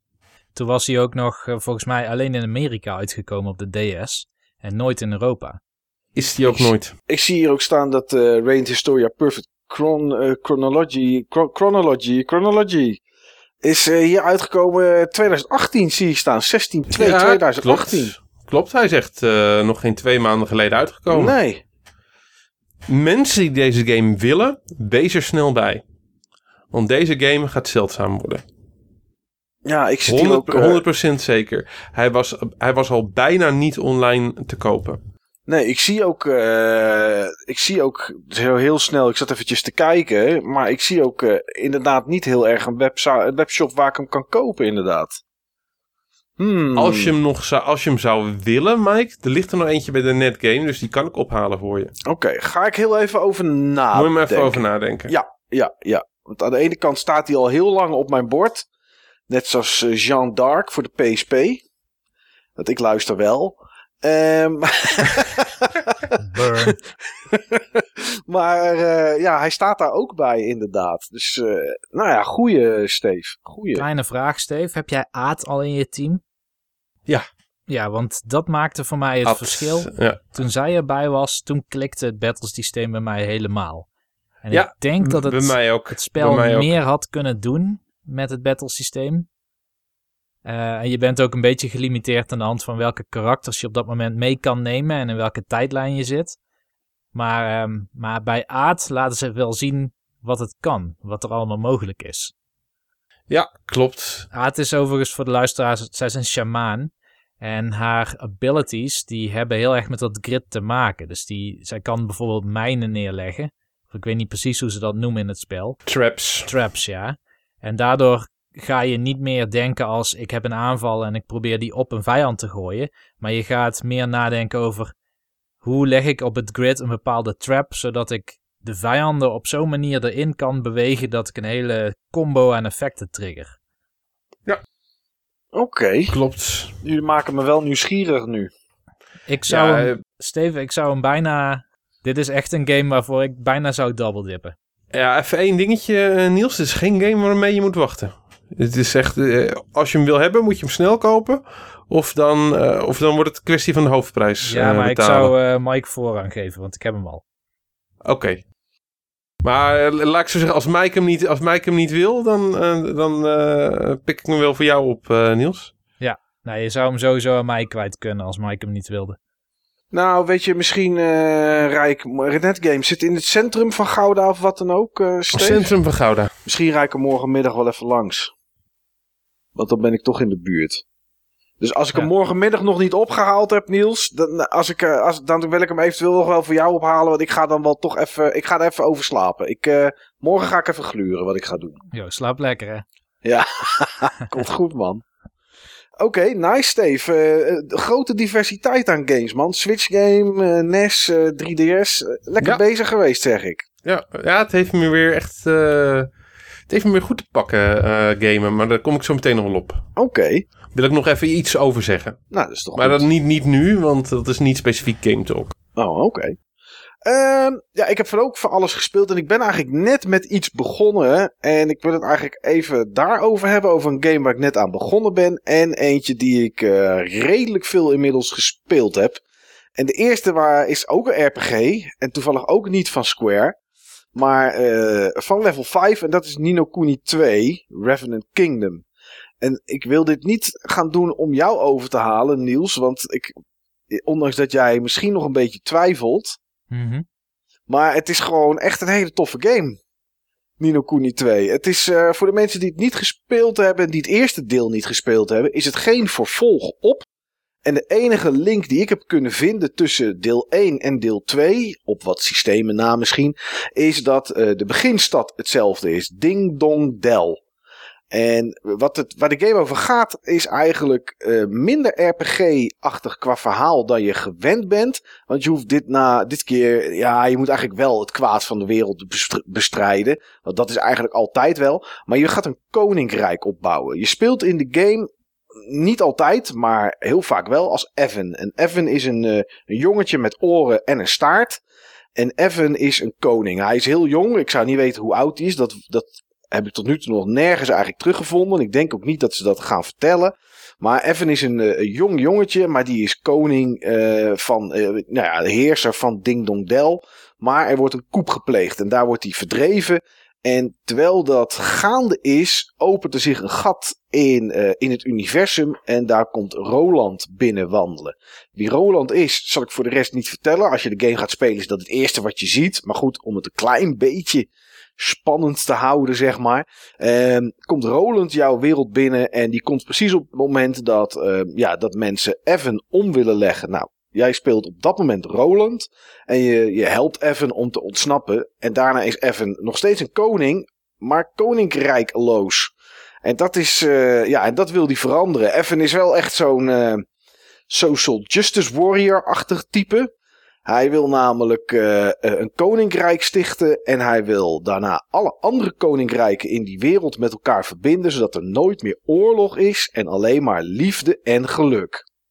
Nou, daar hou ik van. Liefde en geluk. En dat is ook Wat ben jij? ja, ja, eh, dat zou je Jij bijna bent kunnen eigenlijk zeggen. de personificatie, laat ik het zo zeggen. Op het moment van dat je nog eh, zo'n ehm, zo'n toneelstuk had, wat je, wat je vaak zeg maar eh, in de middeleeuwen had, zo'n Ja. alliteratie, of Ja. hoe heette die ding ook alweer?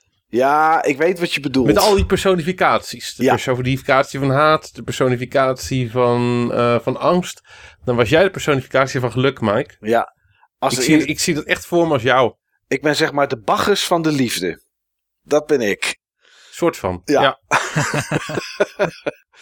En ehm, nou ja, dan begint, de, dan begint de game, zeg maar. Dat is het moment dat de game zich tenminste een beetje openvouwt. Daarvoor is eigenlijk allemaal tutorial. En krijg je het battlesysteem uitgelegd. En, eh, en hoe de minimap werkt. Nou, dat soort dingen allemaal. Wat, hè, wat we vroeger uit boekjes haalden, dat zit tegenwoordig natuurlijk allemaal in tutorials.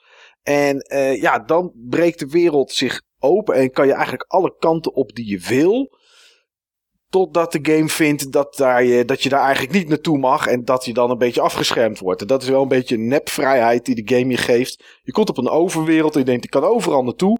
Maar als jij naar links loopt, terwijl de game wil dat je eigenlijk voor het verhaal naar rechts gaat. Zetten ze aan de linkerkant gewoon level 50 tegenstanders neer. Eh, en je kan er wel een beetje omheen lopen. Maar als ze je grijpen, dan ben je natuurlijk kapot als je als level 3 aankomt lopen. Dus wat dat betreft is de wereld open, maar toch ook weer niet.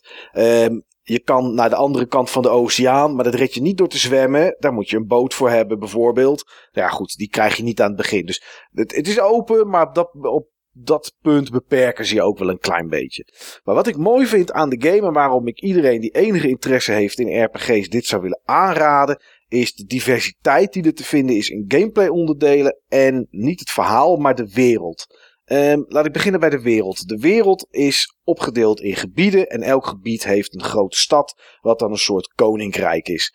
En wat heel gaaf is, is dat elk gebied heeft echt typetjes, zeg maar. Die heeft echt perso eh, ja, personen met de uitgesproken persoonlijkheden. En die zijn stuk voor stuk enorm tof om te ontdekken en om te kijken hoe je daarmee om moet gaan als een beetje een neutraal eh, figuurtje. E- Eventjes één vraagje, Ja. eh, Mike.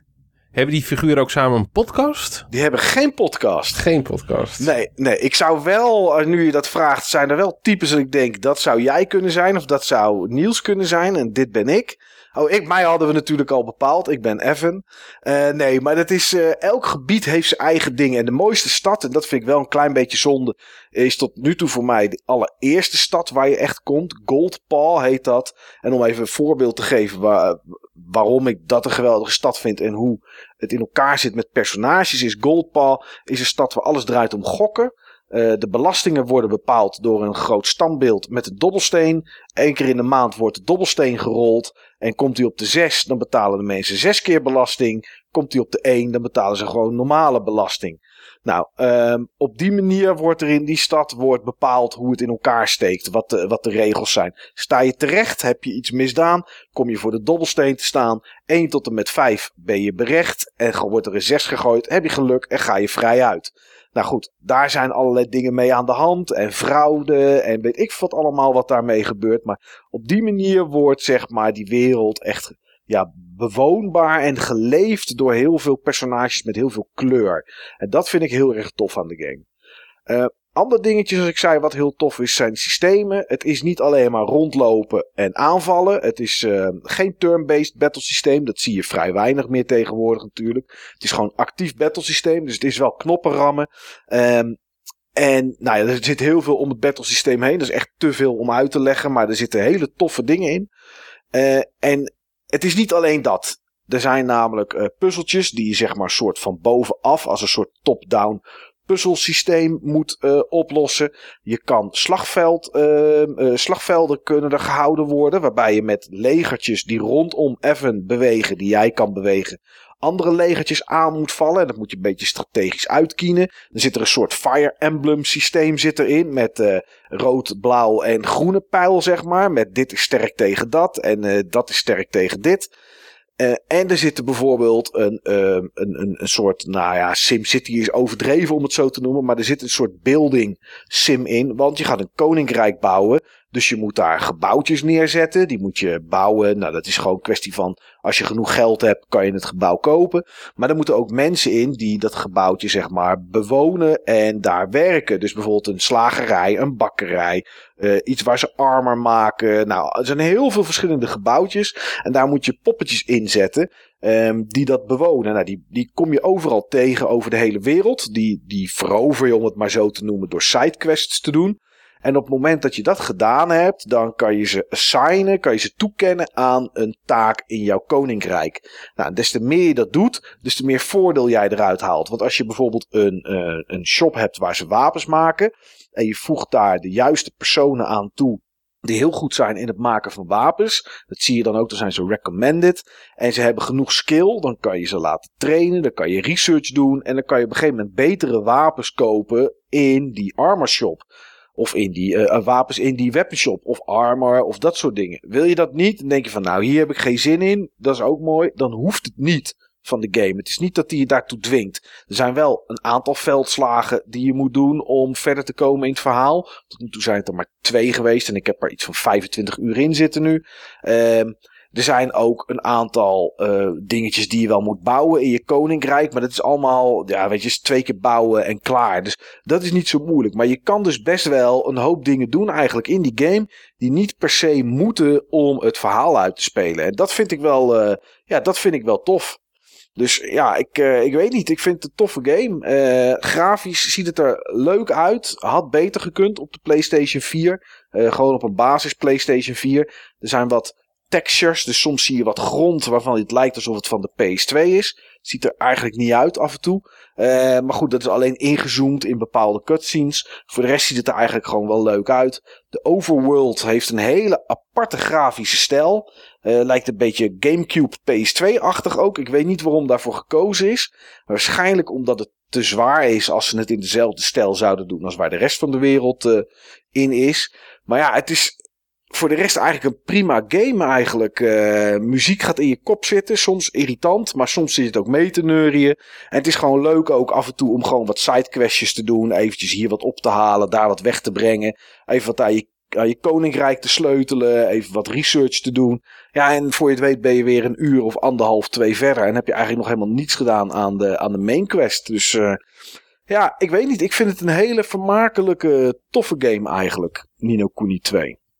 En als je de eerste nog niet gespeeld hebt? Eh, maakt helemaal niets uit. Oké, echt een losstaand Eh, het iets. is echt een losstaand iets. Zijn eigen entiteit. Ja, ja, ja, het zijn ook allemaal andere personages. Het enige wat er hetzelfde in, in- ongeveer hetzelfde in is, en dat mis ik wel in deel 2. Eh, in deel 1 had je familiars, dat waren poppetjes, die, die waren tegenstanders, waar je gewoon tegen vocht. Die kon je veroveren en die kon je dan toevoegen aan jouw team. Dan kon je er volgens mij drie meenemen. En die zorgden dan voor wat power-ups en die gingen ook vechten tijdens die gevechten. Nou, die heb je niet in deel 2. Maar wat je in deel 2 eh, hebt zijn eh higgledies. En higgledies zijn een soort raar getekende poppetjes. Ze hebben allemaal een kracht. En eh, je kan er vier verschillende typen meenemen op je avontuur. Maar ze hebben ook persoonlijkheden. Dus je moet ook kijken of dat een beetje bij elkaar past. En die lopen rond in het gebied waarin je aan het vechten bent. Eh sommige die vallen aan en die geven gewoon wat extra stats bijvoorbeeld. Dat je wat meer aanvalskrachten hebt of wat dan ook.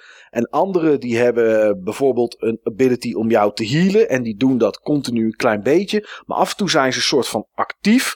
Er is een soort van. Ja, je ziet hem niet, maar alsof er een soort van eh, bar is volgelopen. En dan kan je ze activeren. Dan zie je ze op het battleveld staan. Dan komt er een cirkeltje omheen. Als je dan snel, er- snel genoeg er naartoe gaat, kan je ze activeren. En dan gaan ze iets doen. En zo heb je bijvoorbeeld Higgledies die veranderen in een kanon. En die beschieten dan je tegenstander. Eh, je hebt er eh, die bijvoorbeeld tegenstanders die in de lucht vliegen naar beneden halen. Sommigen gaan je healen. eh anderen doen weer dit soort damage. En dan kan je dus een beetje mee spelen, zeg maar, wat je daarmee wil. Ehm, en dat is wel leuk. Er zijn honderd verschillende. Die kan je ook koken, want ze komen uit een kookpot. Daar worden ze in geboren. En daar kan je dan weer research naar doen. En dan kan je betere maken, sterkere maken. En zo kan je dat uitbreiden als je dat, eh, als je dat wil. Dus, dus je hoeft deel 1 zeker niet gespeeld te hebben. Er, er zit echt helemaal voor de rest geen enkele verbinding aan met, met deel 2. Behalve dan die beginstad. Maar ja, dat is ook alleen maar de naam voor de rest. Ding Dong Del. En dat is het eigenlijk een beetje. Dongdel, niet Ding Dong Del. Ik geloof zelfs het battlesysteem is helemaal anders, toch? Eh, nou, het eerste was het ook wel actief. Ja, maar Dus dan was was het wel active time, dus dan moest je wel een... een Klopt, je moest wel wachten. Ja, Ja, klopt. Daar moest je wel wachten tot, eh, totdat je ability eh, weer opgeladen was. En dan was je soms een beetje aan het rondrennen. Vond ik niet heel erg. Had ook wel iets tactisch in zich.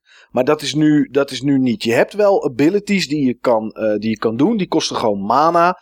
Nou ja, dat is gewoon het zijn vijf bolletjes. En is het op, is het op. En daar zitten wel extra's aan. Want je hebt wapens. En als je die wapens vaak gebruikt, dan loopt er een procentueel tellertje naast op. En is die 100%, dan doet je special meer damage. Dat soort dingen zitten er allemaal wel in. Maar het is, wat dat betreft is het, wel, is het wel wat anders inderdaad dan in deel 1. Dat klopt. Eh, een andere game komt uit dezelfde regionen ongeveer als, eh als Nino Kuni 2. En dat is, eh, ja, ik, ik ga het maar gewoon noemen zoals ik vind dat ik het moet noemen. Eh, Dat is Yakuza 6 of Yakuza. Maar ik heb van jou al geleerd, Niels, dat de U is eigenlijk silent. Toch? min of meer. Bij de meeste woorden wel, ja. Ja, dus nou, ik weet niet precies wat het is eh, in dit geval. Maar ja, die ben ik aan het spelen. Daar heb ik echt nog maar heel kort tijd in zitten, moet ik zeggen. Ik denk een uur of drieënhalf, vier inmiddels. Maar toch wilde ik het even over hebben, want ik vind het wel bijzonder. Ik heb nog nooit een Yakuza game gespeeld namelijk. En dat was ook een beetje mijn angst of ik deel 6 dan wel moest gaan spelen. Ik weet dat het niet zo is als bij Final Fantasy of zoals bij Nino Kuni in dit geval, ondanks dat er daar maar twee van zijn, dat het ene verhaal voortborduurt op de andere game. Dat is het niet, want dat is er bij Yakuza wel aan de hand. En ehm, dus ik twijfelde of ik deel 6 moest gaan spelen. Maar goed, ik hoorde en kreeg van tevoren van mensen die, eh, dat waren dan wel uitgevers en ontwikkelaars, maar die zeiden allemaal van ja, er zit een hele goede prologue in, waardoor je eigenlijk zo up-to-date bent met een minuutje of twintig. Weet je eigenlijk alles dat je moet weten om deze game te gaan spelen. Nou, daar hebben ze op zich wel gelijk in, maar ik vind het toch moeilijk, moet ik zeggen. Ehm, de reden waarom ik het pittig vind, is dat het verhaal begint eigenlijk gelijk. En dan worden de namen genoemd van personages die ik helemaal nog niet ken.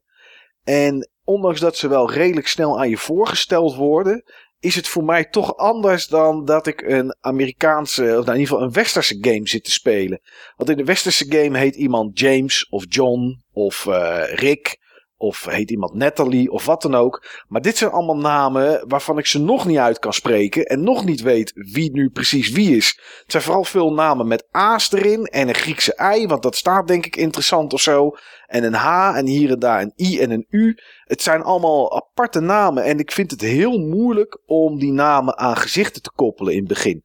Dat komt denk ik ook omdat als ze uitgesproken worden, ze niet altijd zo uitgesproken worden als ik denk dat je ze moet uitspreken. Dus ja, alles is Japans gesproken. Er is helemaal niets in het Engels, behalve de ondertiteling en de menusystemen en zo, dat wel. Maar ja, alles is Japans gesproken. En je bent toch gewend om te luisteren naar iets. En als je het af en toe dan misschien niet kan verstaan of zo, een beetje losjes de ondertiteling erbij te lezen. Maar ik merk dat ik dat toch wel lastig vind. Eh, in het begin, als ik de game net opstart, zeg maar. Dan, dan heb ik daar wel een beetje moeite mee. Maar goed, inmiddels weet ik ongeveer wie wie is. En hoe de situatie met die personen ongeveer is. Ehm, je krijgt later in een soort van droom staan ze ook allemaal opgelijnd. En dan kan je, eh, kan je met ze praten. En dan wordt er wel verteld door de hoofdrolspeler van oké, dit is deze en deze figuur. En eh, die heeft dit en dit gedaan. En zo is mijn verhouding ongeveer daarmee. En je kan in het menu nog teruglezen wie het zijn. Dus eh, ja, het begint langzaam te komen. Maar ik had er in het begin wel moeite mee. Ook plaatsnamen. Kijk, heel veel games spelen zich af in, eh, weet ik veel, Detroit, Chicago, Parijs. Eh, nou, Amsterdam niet zo vaak, maar of in een land dat we, dat we zeg maar kennen. En als ze zeggen, nou, dit is in Japan, heb ik er wel een beeld bij. Maar ja, al die plaatsnamen, ik vind het nog wel lastig om te on- onderscheiden of die het nou over een plaatsnaam heeft of over een persoon. Maar goed, mocht je de game willen spelen en gaan doen, in het hoofdmenu zit ook een, eh, een soort klein dagboek waar je de hoofdpunten kan lezen uit deel 1 tot en met 5. Dus ja, er is genoeg gedaan om, eh, om, om je wat achtergrondinformatie te geven. Ja, en dan de game zelf. Het is, eh, ik vind het nog lastig om te bepalen wat het is. Maar wat ik wel vind, is. Ik vind het wel interessant. Ehm, er waren wat mensen die zeiden tegen mij, dat was jij niet Niels, dus ik schaar jou daar niet onder. Maar die zeiden ja, GTA, maar dan Japans. Maar ik denk dat jij ook van mening bent, tenminste dat ben ik zelf inmiddels, dat dat het niet echt is, hè? Nee, dat, dat is helemaal ver van eh, hoe ik het zie. Ja. Ja, nou ja, dat had ik dus ook. Ik had dus ook... is gewoon echt open wereld en missiestructuren die, waarin je van alles kan doen los van de missies. En Ja. eh, Yakuza is meestal gewoon een paar straten, zeg maar. Dat is dan de open wereld. Ja, Dat is lang Nou ja, niet zo je- groot. je kan er wel wat dingetjes doen. Je kan hier en daar een spelletje spelen. Eh, tenminste, dat is bij mij nog dicht. Althans, eh, de plek waar ik een game kan spelen, daar is iets gebeurd. Dus daar kan ik niet zomaar naar binnen. Maar het- ik heb inderdaad verre van het GTA-gevoel. Maar ja, wat het wel is, weet ik eigenlijk ook niet. Het is een, een game Het is die... een beat-em-up, zou ik zeggen. In een eh, kleine open wereld, waarin je ook sidequests hebt en voor de afleiding spelletjes kan doen. Ja. ja, of wat kan eten. Want dat is natuurlijk, het is een Japanse game. Dus eten is, eh, speelt wel een hoofdrol eh, in die game. Ja. Maar het is, ehm, ja, het is inderdaad zo een verhalende game. Ik weet niet of, of ik het al echt een beat-em-up kan noemen. Want ik heb nog niet zo heel veel gevechten gehad. Maar ik vind die gevechten wel echt tot nu toe de koning van de game. Want die zijn wel echt gaaf. Het zijn echt actieve gevechten. Ik heb al gevechten gehad tegen zes of zeven tegenstanders. En het battlesysteem zit best wel goed in elkaar eigenlijk. Je kan je focussen op, op een persoon. Je kan combo's uitvoeren. Dus wat dat betreft is het alles behalve iets van GTA. Eh, maar je hebt ook een metertje, een, een heat mode. Ik weet niet of dat in al die games zat. Ik weet ook niet. Jij, welke heb jij gespeeld, Niels? Zero heb ik gespeeld. Zero. Ja. Oh ja. Is, is dat Kiwami of is Kiwami de remake, remake van 1? Kiwami is inderdaad de remake van 1 en Zero Oh ja. is een prequel die pas volgens mij tussen deel 5 en deel 6 gemaakt is, maar wel de Ja, origin vorig story jaar of zo, toch? Ja, Ja. klopt. Ja, nou ja, goed. Dus ik weet niet of daar ook een, eh, een, een heat meter in zat. Maar dat is iets wat langzaam oploopt. En als je die aftrapt, dan ben je even tijdelijk wat krachtiger. Ja, en dan kan je echt hele heftige moves uithalen. Veel klappen, dicht, dicht in beeld. Heel, heel filmisch in beeld gebracht. En dat is echt wel gaaf. Ja, het verhaal wil ik eigenlijk niet te veel over kwijt. Dat klinkt wel heel tof. Ja, het- Combat. Dat is het ook. Het is actief en als je één tegenstander hebt, dan kan je daar heel goed op richten. Anders kan je wat soort area moves doen. Je kan bijvoorbeeld iemand oppakken, een paar klappen geven, één keer ermee ronddraaien en hem dan een soort van weggooien. Dan als je dan tegenstanders in de buurt staat, dan, dan raak je die zeg maar. En het voelt heel agressief. Je bent zelf niet heel vaak de, de, degene die, ehm, die, de, die zeg maar de actie uithaalt. Die, die dan de, de, de, agressie initieert. Maar eh, als het gevechten dan is, dan is het wel zeg maar echt met slaan en schoppen en weet ik wat allemaal. En dat is wel, dat is wel heel erg tof. Eh, ja, er zitten skill, skills zitten erin. Ik wou bijna zeggen skill 3, maar dat is het niet. Het zijn echt lijstjes met skills die je kan upgraden als je levelt. Eh, en er zitten wel een paar hele vreemde in, Niels. Dat ik denk van oké, ik weet nog niet heel erg precies waar dit straks, eh, wat ik daar straks aan ga hebben. En, en, en, wat ik, eh, en wat ik daarmee moet. Maar er zit bijvoorbeeld een skill in dat je meer een ladies man bent. Zodat je in een bar beter met vrouwen kan praten. Enig idee waar ik die skill straks voor nodig heb? Eh, nee, ik heb echt geen idee. Misschien, misschien heeft het iets te maken met een sidequest. Er zit wel vaak Ja. iets met barren in eh, Yakuza games. Ja, klopt. Ik ben er ook al in twee geweest om eh, informatie op te halen. En dat zegt hij ook in het begin van ja, als je informatie nodig hebt, dan is er maar één plek waar je naartoe kan. En dat is een bar.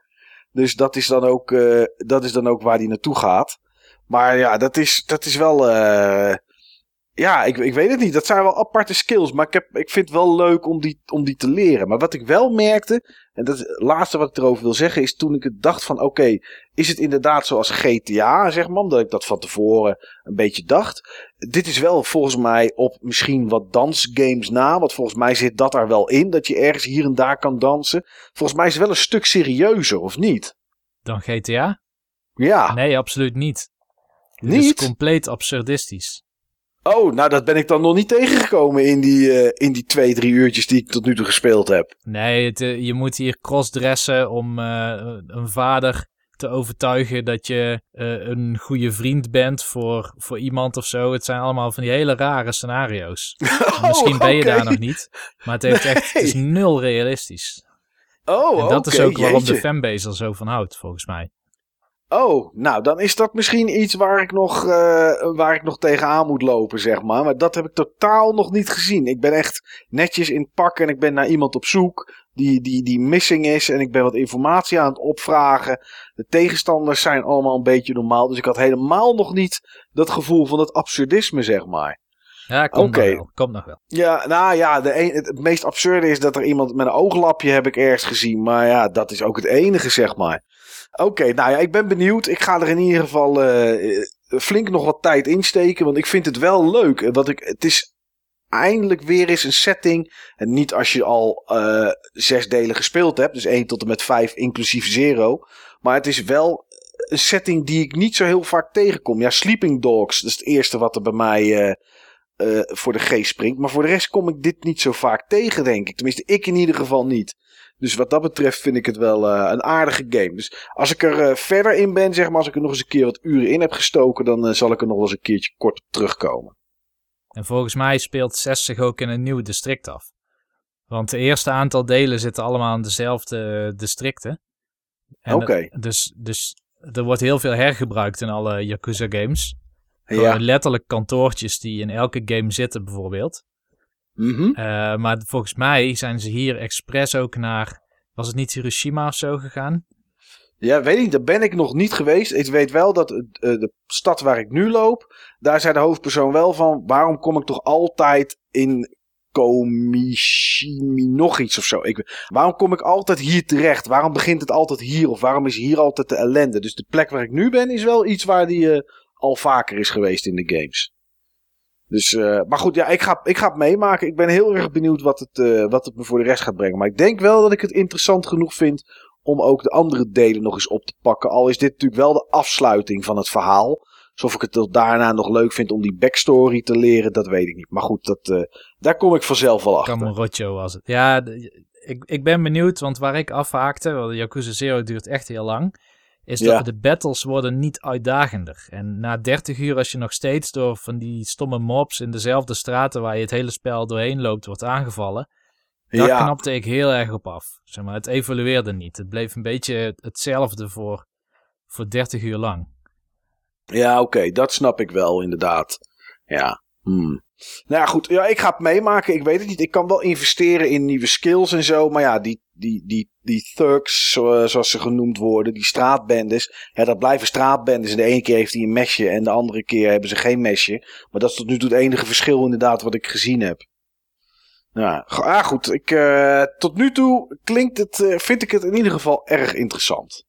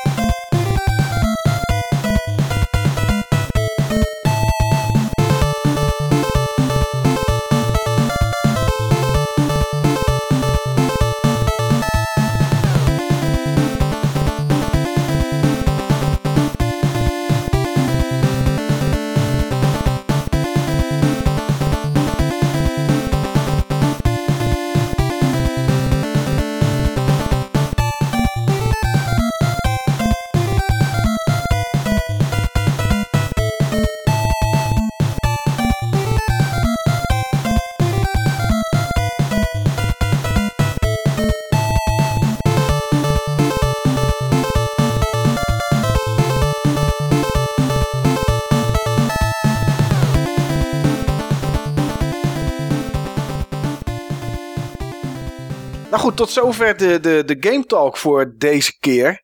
Eh, ja, diverse games in ieder geval, jongens, die we gespeeld hebben. Het is niet, eh, we hebben niet allemaal Far Cry 5 zitten spelen. Dat is maar goed ook, denk ik. Maar, eh, dus dat is wel, dat is wel Ja. netjes. Ja, hele leuke diversiteit inderdaad, ja. Ja, ja. Ja, joh, ik heb in ieder geval... Ik heb weer heel veel nieuwe inzichten gekregen. Dus eh, een van mijn inzichten die heb ik met jullie gedeeld. Beter naar Niels luisteren. ja, dat is een goeie. Ja, dat is zeker nog goed. Maar werk ik, ik heb wel... Ja, ja. Maar ik heb wel, ik heb wel meer inzichten eh, gekregen de laatste tijd. Oké, wat, zoals wat dan? Ja, dit is een periode geweest vol met inzichten. Een van deze inzichten was uh, toen, toen Niels en ik aan het brainstormen waren over de naam voor deze podcast. Ja. En toen we uitkwamen op, uh, op Buttonbashers. Achteraf gezien was het misschien niet de beste naam geweest voor deze uh, podcast. Ik denk niet dat de lading van deze podcast volledig dekt. Dus als jij terug mocht gaan in de tijdsteef, had je een andere naam Dan had gesuggereerd. Ik, ja, dan had ik een andere naam gesuggereerd. In retrospect, met de kennis van nu, had ik een andere naam gesuggereerd. Oké, jeetje. Ik, eh, Ja, ik weet niet of ik die... eh, je hebt ook een naam dus. ik heb ook een naam. Ik weet niet of ik die wil... Ja, we, tuurlijk, want we kunnen het niet maken om niet te doen. Maar ga ik dan vanaf nu anders kijken naar onze podcast? Waarschijnlijk wel. Oké. Ik denk, laat ik het zo zeggen, ik denk dat je het al eigenlijk een beetje wist. Hmm. Maar ik denk, dan ligt het echt helemaal aan het oppervlak. Oké, nou ja, kom maar dan. Gebroken belofte, de podcast. nou, nee. Gebroken, ge- gebroken belofte. Oké. Deze, podcast ga, deze podcast heeft twee hoofdthema's. Ja, Games ja. en gebroken belofte. Hoe kom je bij die gebroken belofte, Steve? Dat weet ik inmiddels. Dat weet ik. Oké. Want joh, mensen, mensen doen dat, eh, Mike. Mensen zeggen elkaar dingen toe. Ja. Eh, joh, het was, het was gezellig, we moeten elkaar vaker zien. Ja, joh, eh, ja, we- weet je wat? We- We gaan gewoon een keer samen op reis. Of weet je wat? Ehm, ja, we dat gaan is gewoon wel allebei zo. dat, we gaan gewoon allebei dat spel kopen. We gaan het allebei spelen. Ja, En iedereen doet dat. ja, Dat tuurlijk. is helemaal niet erg, want dan komen er dingen voorbij en dat heet het leven. Ja, ja. Maar wij zijn iets anders dan, dan normale mensen. Normale mensen die, die doen dat. En wij doen dat en leggen dat vast. Ja, dat is de pest. Oh, jij hebt podcast 60 natuurlijk zitten luisteren. Een stukje voor dat stukje van Radiant Historia. En daar heb je zeker iets in gehoord. Nee, ik heb wel meer zitten luisteren dan, eh, dan podcast eh, 60. Ja, Ik, ehm, ik heb de eerste negen podcasts weer gehoord. Jeetje. Integraal. Oké. Integraal. Want ik, ehm, ik heb inmiddels een doel. Ik heb, ik heb wel meer doelen. Maar misschien wordt het ook wel een verbroken belofte. Ik maar wou ik net denk het zeggen. niet. Ik denk het niet.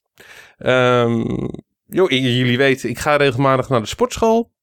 En eh, vroeger ging er altijd puur al ik, eh, ik in mijn eigen ging naar, eh, naar, naar de sportschool. Jij en Eh, ik- jezelf. Ik en mezelf inderdaad, ja. Eh, met mijn gedachten. En niet meer dan dat. Mijn sporters, mijn, mijn gedachten en niet meer dan dat. Ja. Eh, ik liet altijd bewust mijn telefoon eh, thuis. Had ik geen zin in op de sportschool. Nee. En inmiddels heb ik zoveel uren in de sportschool doorgemaakt dat het toch een beetje begon te vervelen. Ja. En ik ben natuurlijk een beetje aan het zoeken naar een ander soort balans. Ik ben aan het zoeken naar een ander soort invulling om tot, eh, tot de optimale versie van mezelf anno 2018 eh, te komen. En een van de inzichten die ik had is van joh, misschien is het wel goed om toch voor wat entertainment te, eh, te zorgen bij de sportschool. Ja. Dat je juist wat minder in je gedachten eh, zit. Ik zat eh, altijd bewust in mijn gedachten. Ook om, eh, wat ik altijd zei, als ik ga sporten, dan zit ik in eerste instantie zit mijn, mijn hoofd vol. En ergens, naarmate ik richting het eind ga, wordt het steeds leger. Nou, dat werkte niet meer zo. En dat heb ik nu anders opgelost door mijn telefoon mee te nemen voor muziek. Het idee Ja. was, ik neem mijn telefoon mee voor muziek. Alleen muziek vond ik net iets te veel afleiden. En als je kijkt hoeveel uren ik, eh, ik doorbreng in de sportschool, vond ik het niet zo heel verstandig om zoveel, om zoveel extra uur muziek op mijn oren te gooien. En ik had zoiets, weet je wat? We gaan het, op, we gaan het oplossen met the next best thing. Mike's Minutes. Oh, jeetje. Mike's Minutes. dus ik heb zeg maar alle afleveringen van Mike's Minutes die ik nog niet had eh, geluisterd. Ja, Die heb ik zeg maar eh, geluisterd op de sportschool. oké. was ik in één sportsessie doorheen. En ik moet wel zeggen, ik ben vaak 2,5 uur tot 3 uur op de sportschool. Ja, oh, dat is wel lang, ja. Ja. Nou ja, Mike's Minute is super tof, Mike. Alleen je gaat er zo snel doorheen. Ja, eh, qua, ik qua door die minuten of jij door het luisteren. Allebei? ja, ja het, is maar, Allebei. het is maar kort. Het is maar kort. Ja, Maar ja. wel tof. Ik heb ze allemaal gehoord. Oh, nou. misschien, eh, misschien dat je er nu eentje uit hebt die ik eh, nog niet gehoord heb. En dan hoor ik hem wel zeg maar aankomende week eh, ergens. Wat nou, was de laatste? de laatste is, eh, is, is, kan ik je vertellen, is tijdens deze podcast uitgekomen. Die, Oh, is, wat goed. die is inmiddels eh 56 minuten oud. En dat gaat over Far Cry 5. Far Cry 5. Heel Ja. goed. Hoe doet hij dat toch Heel allemaal? goed. Ja, Dat heet eh, multicasting. Ja. Echt, hè? Ja. De, de, de aflevering daarvoor, dat was dan, eh, dat ging over een andere game. Ja, Nino Kuni, dacht ik. Oh, heeft hij er ook nog tussen gezeten? Nino Kuni eh 2, ja, aflevering 27 is dat. Oké, oké. Ik, ik, ik wou refereren naar A Way Out. Ja, In het kader van verbroken beloftes. Want we hebben, die hoef, ik, die hoef ik niet eens, daar ben ik nog niet hoor. nee. Maar we hebben elkaar ooit beloofd dat we hem samen eh, Ja. gingen spelen. Ja, en daar kwam Ja, ook het leven tussendoor. Daar kwam het leven tussendoor. En ik neem je niks kwalijk, Mike. Gelukkig. Ik neem niks kwalijk. Die, ga, die game ga ik alsnog, ehm, eh, alsnog eh, beleven. Dat gaan jullie binnenkort wel horen. En daar heb ik zeg maar jouw paus voor geregeld. Mijn paus? Jouw plaatsvervanger op aarde. Oh. Oké, en wie is dat? Dat zeg ik niet. Oké. Dat, eh, daar kom je nog wel achter. Maar ik denk dat, ik het weet ook, hierdoor, maar ja. ik ga niks Ook- zeggen. ook dat was een, eh, was een, ehm, was een, eh, dus een, een belofte die er niet van is, eh, is gekomen. Nee, Maar die eerste, maar anyway, toen Mike's Minutes op was, ben ik gaan zoeken naar alternatieven. ja, die zijn er niet. Er is niks zoals Mike's Minutes. Nou, ik dacht aan Praatje Podcast, Ja, maar dat, dat, dat, dat werkte toch niet, dat werkte zo rustgevend op mij. ja, die, ja, die, die, die spieren, die convulsies in die spieren, die kwamen niet meer. Dus ja, dan moet je, eh, dan moet je dat niet combineren op de sportschool. nee. En een Gi- Giant Bombcast Ja. heb ik zeg maar ehm, eh, geluisterd. Vind ik tof. En die blijf ik er wel inhouden. Maar toen kreeg ik het lumineuze idee. Hoe tof zou het eigenlijk zijn om al onze uitzendingen weer, ehm, weer te gaan luisteren. ja, En ik had zeg maar, toen waren zeg maar, be- eh, eh, ik, ik zat juist te wachten op, die, op het uitgeven van die jubileum eh, podcast. En eh, dat, dat duurde wel eventjes natuurlijk, want Niels had even tijd nodig voor het editen. Dat is niet zo gek, nee. met die zeven uur en al die sporen. En toen had ik het idee van, weet je wat, ik luister gewoon de allereerste pilot weer een keer. Dat is leuk. Ja, En dat was het ook. Oké. En toen dacht ik eh, van joh, weet je, ik, ik luister gewoon nog eens een keer de eerste aflevering. Ja, dat was ook leuk. Ja. En toen had ik zoiets, ik luister ze gewoon allemaal. Heb je en ook inmiddels die heb ik al, geluisterd van de controllers? die heb ik ook geluisterd. Oké, hoe beviel dat? Ik vond die controller-uitzending vond ik best oké. Oké, toch wel. Had- eh, Die, daar had ik zeg maar een eh, negatiever beeld van dan het was. Mhm. Maar die daarna, met LucasArts en het restje controllers. Ja. Oh, wat was die afschuwelijk zeg. Oh, echt waar was Lucas Ja, afschuwelijk? Ja, we hebben het maar nog geen 20 minuten over LucasArts gehad. Ja, nee ja, maar die afleveringen waren ook super kort natuurlijk. Ja, we, we hebben dat gewoon in 20 minuutjes gewoon afgeraffeld. Ja, hapla, wat, ik nu, duwen. wat, ik, wat ik nu gewoon eventjes aan het doen ben en hoe ik gewoon eventjes eh, nu even een segmentje gekaapt heb tussen het hoofdonderwerp en de Game Talk. Dat is straks nog, dat is straks nog langer dan dat stuk over LucasArts. Ja. En heb je het gewoon over LucasArts? ja, nee, ja, hé. Hey. Ik Ja. weet het. ja. Ja. ja, we hebben Nee, afleveringen joh. gehad met Game Talk en hoofdonderwerp van 40 minuten. Ja, bizar hè? Ja, kan toch niet? Ja, ik had het nog over met... eh, Twee hoofdonderwerpen met, eh, dan zelfs, hè? Met Niels, ja. Ja. Twee hoofdonderwerpen. Ja, toen hadden we wel een ander format. Jawel, maar dit, we hebben het niet expres veranderd. Het is gewoon iets wat gegroeid is zoals het nu is. Ja, het is geëvalueerd. Ja, ja, ja, inderdaad. Dit is gewoon eh, on- onze versie van Survival of the Fittest. Ja. ja, na zeven podcasts ben je trouwens niet zo fit meer. Maar dat is Ja, wel valt, wel, valt wel mee, valt wel mee. Maar eh, joh, in, in, in die eerste podcast, alle, alle dingen... Ik, ik wou eerst nog een lijstje maken van, ehm, van alle keren van dat we elkaar iets hebben toegezegd. Want op een gegeven moment iets hebben toegezegd wat we niet hebben gedaan. Ja, Want op een gegeven moment begon het op te vallen. oké. Maar van- van, eh, dat we af gingen spreken met z'n drieën ook om een bepaald spel te spelen in co-op multiplayer. Nooit gedaan, allemaal dat soort dingen. Mooi hè? Ja, ja. Maar, Mike, maar, Ja. net zozeer als dat ik het net had over Niels en dat ik een goed voornemen had richting Niels en dat ik beter naar Niels ga luisteren. Ja. Ik heb iets gekocht. Niet dat ik het, eh, ja, niet dat ik het ga kopen, maar ik heb het echt gedaan. Je hebt het al in huis. Ik heb het al in huis. Ja. Omdat ik jou iets heb toegezegd.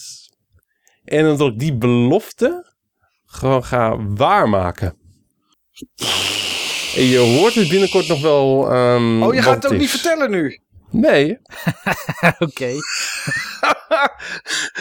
is ook leuk voor de luisteraars. Hè? Ja, nee, nou, ik, ook een zie, beetje- ik zie ze ja. genieten aan de andere kant van de lijn. Ja, Kijk, ze stralen, zeg. Ab- ze ja, hebben een dat- kwartier lang geluisterd naar Steve met een opbouw en dan krijgen ze het niet. Dit is een soort Lord of the Rings, man. Nee, ze krijgen het wel. Ja, maar niet nu. Ze krijgen het gewoon één uitzending later. Nou, Cliffhanger. Ja, cliffhanger midden in een aflevering ook. Ja, midden in een aflevering. Oké. Ja, ik, ik wil nu onwijs gaan lopen denken, maar dit is het enige wat ik kan doen, maar dat ga ik niet doen, want dat zou, zou mijn verbazing de volgende aflevering spoilen, is door ook aflevering 1 tot en met 10 of zo te gaan luisteren. Maar nee, dat ga ik niet doen. Nou, oké, Steve. Nou, tof. Hè, hè, eindelijk. Ik was al een klein beetje pist dat je het nog niet gedaan had. Maar ik ben blij dat je het Ja. eindelijk gekocht hebt. Ook bij Netgame? Ook bij Netgame. Oké. Nou, mooi. Ik heb... En ja. niet, niet, niet aan die kerel van Netgame vragen. Joh, wat heeft die speld? Wat heeft die speld nou zaterdag bij jou gekocht? Nee, dat ga ik niet doen als ik er, als ik er kom. Nee, ik... eh, nou ja, tof. Leuk, ik ben benieuwd. Ja, ik ook. Ja, Ik ben ook, benieuwd. ik ben ook benieuwd. Ik ben ook benieuwd. Ah. En eh, ik, heb nog een, ik heb nog een tweede ding wat ik even in wil brengen. Eh, dat is namelijk ook een mooi bruggetje uiteindelijk naar onze volgende podcast. Oké. Wat mij ook opviel in de eerste podcast. We maakten ook echt een hele happening van die, van die gamebeurzen. Ja. over, over, over drie weken is de gamebeurs in, eh, in Apeldoorn. Oh, over twee weken is de gamebeurs in Apeldoorn. Volgende week is de gamebeurs in Apeldoorn. Ga jij nog, Mike? Ga jij nog, Niels? Nou, wat hoop jij te vinden, Mike? Wat hoop jij te vinden, Niels? Oh, spannend. Waarom ga Ja. jij niet, Mike? Ja. Dat was het meestal. ja, ik ging meestal niet inderdaad. Nee. Eh, Ik ben weer eens bij een gamebeurs geweest. oh. Ja. Ja. dat is ook zo, ja. Je bent in Apeldoorn geweest, Ik of ben niet? in Apeldoorn geweest. Dat was die beurs waar ik ook zeker naartoe ging. Maar op de dag zelf dacht ik ga niet. ja. Ja, ja. Ik was gestrikt door, eh, door Jelle. Mhm. En ik had, eh, toen ik gestrikt was, had ik er helemaal nog niet zo'n zin in. Nee. Maar eh, naarmate het vorderde, begon de zin steeds meer te komen. Ik had er met name gewoon zin in om samen gewoon eventjes een dagje eh, eruit te zijn. En een leuke, een leuk avontuur van te maken. En dat was het eigenlijk wel. Oké. Dus ik heb, ehm, ik heb eigenlijk maar twee dingen gedaan qua aankopen. Ja. Gerouched door de ratspakken van eh, de Retro Game Freak. Oh ja, die was er inderdaad, ja. Dat klopt. Ja, die hadden tal van bananendozen met ehm, troep. 60 meter of zo, geloof ik, hè? Veel, Ja. veel. Ze hadden, aan de ene kant hadden ze dan bakken wat in eerste instantie vier items voor 10 euro was. Mhm. En aan de andere kant hadden ze dan euro pakken. Oké, jeetje. En hadden ze nog een soort met van tafel met spulletjes waar je op mocht bieden. Ja. Maar ik had best wel wat aardige dingen nog uit die bakken gevist. Nou, ik wilde dus eigenlijk ook daarvoor gaan. Want ik denk van, ik heb grote kans als ik mijn PSP-collectie wil aanvullen, en dat wil ik wel, dat daar best wel wat te scoren is voor 4 voor een tientje. Alleen ik dacht van ja, weet je, als ik natuurlijk leuke dingen wil hebben, moet ik er gewoon vroeg zijn om half elf. En dan ben ik rond een uur of één klaar. En dan sta ik daar in Apeldoorn. Ja, weet je, terug naar huis, naar Enschede is dan weer drie kwartier uur de andere Ja. kant op. Terwijl ik s'avonds weer richting het zuiden moet. Dus ik had, dat was eigenlijk, en ik had zoveel te gamen dat ik dacht van oké, dan ga ik toch Ja. maar niet. Dan staat je, sta je een beetje op een point of no return. Ja, ja, precies. Snap ik wel. Maar ik heb in ieder geval dingen uit die bakken eh, gevist. Ja. En eh, heb jij Fear Effect al? Fair Effect voor de PlayStation 1, jazeker. Oké. Vier discs, denk ik. Ja. ja. Anders had je hem nu gehad. Oh, oké. Oh, je hebt die daar opgepikt? Ja, voor een euro. Oh, dat is niet duur. Maar dat kwam ook omdat de disc, disc 2 er niet bij zit. Moet ik een kopietje maken van dit daarin, voor je? zit, daarin zit Parasite Eve. Oh, deel 2. Of niet? Ja, weet ik, één van de discs van Parasite Eve. Ik weet niet welke. Ja, als het Paul is hier. We hebben hier in Europa namelijk nooit deel 1 gekregen. Die was Oh, alleen NTSC. Ik hoor net dat het deel 2 is. Oké, ja. Nou ja, het had ook gekund dat, het, dat de Amerikaanse erin zat natuurlijk. Had ook, nou, misschien. Ik weet het niet, joh. Nee, maar als moet het, eens kijken. als het één disc is, zeg maar, waarop disc 1 of 2 staat, dan is het Parasite Eve 2, want die is twee discs als het goed is. Oké, oké. Ja. Nou, ik had, ik had hem al, ehm, zeg maar, eh Fear Effect. Ja, Maar ik, ik, ik heb hem toch maar meegenomen voor jou. Voor jouw collectie, hè? ja. Maar ja, ik, Voor een, die, eu- voor een eurotje. ja. En anders, ik, ik vind wel eens een keer die eh, disc 2 en dan maak ik wel iemand gelukkig. ja, ermee. wat is best een aardige game. En ik had nog wat dingetjes eh, om, om compleet te maken. Ik had het doosje en het boekje van Sonic Advance. Dus hoef ik alleen maar de kaart. En ik had eh, X-Men Mutant Academy, X-Men eh, The Fighting Game 2 op, ehm, op de PlayStation. Ik had wel echt wel wat toffe dingen. Ja, Maar daarnaast heb ik mijn game room enorm kunnen pimpen. oké. Met een aantal dingen die ik gekocht heb op, op die beurs. Oh, nice. Ehm, dus een beetje tegenover de Retro Game Freak stond een, eh, stond een dame. zij en de vrouw, denk ik. Ik weet niet of ze getrouwd zijn. De vrouw of de vriendin. Zij hadden vroeger een gamezaak in Gouda. Mhm. Wat nu de netgame is. Vroeger was het Ret- Retro Player. En ehm, zij had onder andere op hun tafel een collectie Killer Instinct figuren. Ah, En ik vond die wel heel erg tof. ja. En ik had besloten dat ik Fulgor ging kopen. Oh ja, tof, tof karakter. Ja, ze hadden zeg maar vijf figuren. Fulgor, Saberwolf, Jago. ehm, ik noem eventjes eh, die- dame die gebaseerd is op dat karakter uit de ring. Een van de nieuwe figuren uit eh, de, de Xbox. Ja. Killer Instinct. En nog een variant op, eh, op Jago, Shadow Jago. Maar ik had zoiets gehouden gewoon bij, eh, bij, bij Fulgor. Ik was de eerste die zeg maar een figuur had gekocht. Want ze hadden van elke figuur twee. En ik kocht Fulgor. En ik, op, nadat ik Fulgor had gekocht, toen ehm, bedacht ik me van ja, eigenlijk wil ik nog een ik wil straks nog een tweede kopen. Oké, Want ze moeten natuurlijk wel tegen elkaar kunnen vechten. tuurlijk. En dan koop ik Saberwolf of, ehm, of Jago. Ja. Van de klassieke figuren. Tussendoor was ik zeg maar nog een keer een paar keer Anna tegengekomen. Anna die was met zichzelf aan het worstelen of ze wel of niet een Mass Effect beeld zou, eh, zou eh, moeten kopen. En ik stelde haar een paar vragen om haar te helpen. Ik vroeg, ehm, word je hier gelukkig van? Ja, nou dat weet ik meestal pas als ik het gekocht heb. Oh, Oké, dan is dat niet de beste vraag. nee. Ehm, word je er ongelukkig van als je het niet hebt? Ja. Nou ja, Heb klaar. je daar je, dan heb je daar je antwoord. Ja. Dus, maar het was toch met zichzelf in, in worsteling. En eh, ik, ik had ook een paar keer gezegd, bij twijfel gewoon doen. Bij twijfel gewoon. Mijn motto is, bij twijfel doen. Ja, de mijne is andersom altijd. Bij twijfel Ja. niet doen. Maar ja, dan heb je dus wel eens waar we het in het begin over hadden. Dat je op een rommelmarkt of een Koningsdag loopt. Dat je iets ziet, het niet Ja. koopt. En het later toch wil hebben en het weg is. Dat is dan het Ja. risico. Maar ik had dus mooi mijn Fulgor en mijn eh, Retro Game Freak eh, spulletjes. En op een gegeven moment sta ik ergens bij een tafeltje. En er was een of andere kerel die ik niet, eh, niet kende. Die stond er een beetje in een bak te rauzen. En die had een Saberwolf. Er waren, eh, was, ik had gezien dat er ook een Saberwolf eh, verkocht was. En ehm, ja, ik zeg, hey, Saberwolf, kijk, Fulgor. Schept een band, hè? En ik, Hij schept een band.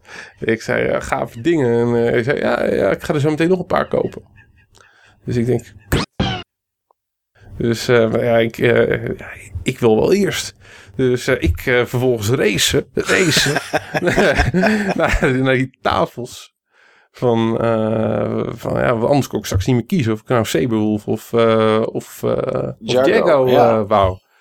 En er was inderdaad ook wel natuurlijk een, een Jago verkocht. Dus er stond er nog maar één Saberwolf en stond nog maar één Jago. Dus ik stond te denken van ja, welke ga ik dan kopen? Welke ga ik dan kopen? Ik had ze wel een beetje apart gezet. Welke ga ik dan kopen? Bij twijfel, ja. Dan maar alle Alle- twee dus. Dan maar allebei. Ja, En ehm, dus ik allebei die figuren gekocht. ja. Opgelost. En vervolgens, eh 30 seconden eh, later of een minuut later, kwam die kerel aan. Of waarschijnlijk was hij er al, maar ik had die dingen toen al geclaimd. En, dus- en, en die, die andere Jago, die had ik, eh, had ik al net voor mij afgerekend zien, eh, zien worden. Dus eh, die kerel kocht dan maar, zeg maar, dat, dat zombie meisje. Oh ja. Maar die, die hoefde ik niet, want dat was geen figuur uit oorspronkelijke Killer Instinct. Maar ja, drie kan toch En- niet, Steve? Wat er En kan Shadow, Ja- Shadow Jago moest ik al helemaal niet. Want dat, was in, va- dat was gewoon een variant. Ja, Dat was gewoon een variant. Vond ik een beetje simpel. Dus nou, ik drie figuren blij. Nou, vervolgens, nadat ik die zaal nog een paar keer over was geweest, dacht ik van ja.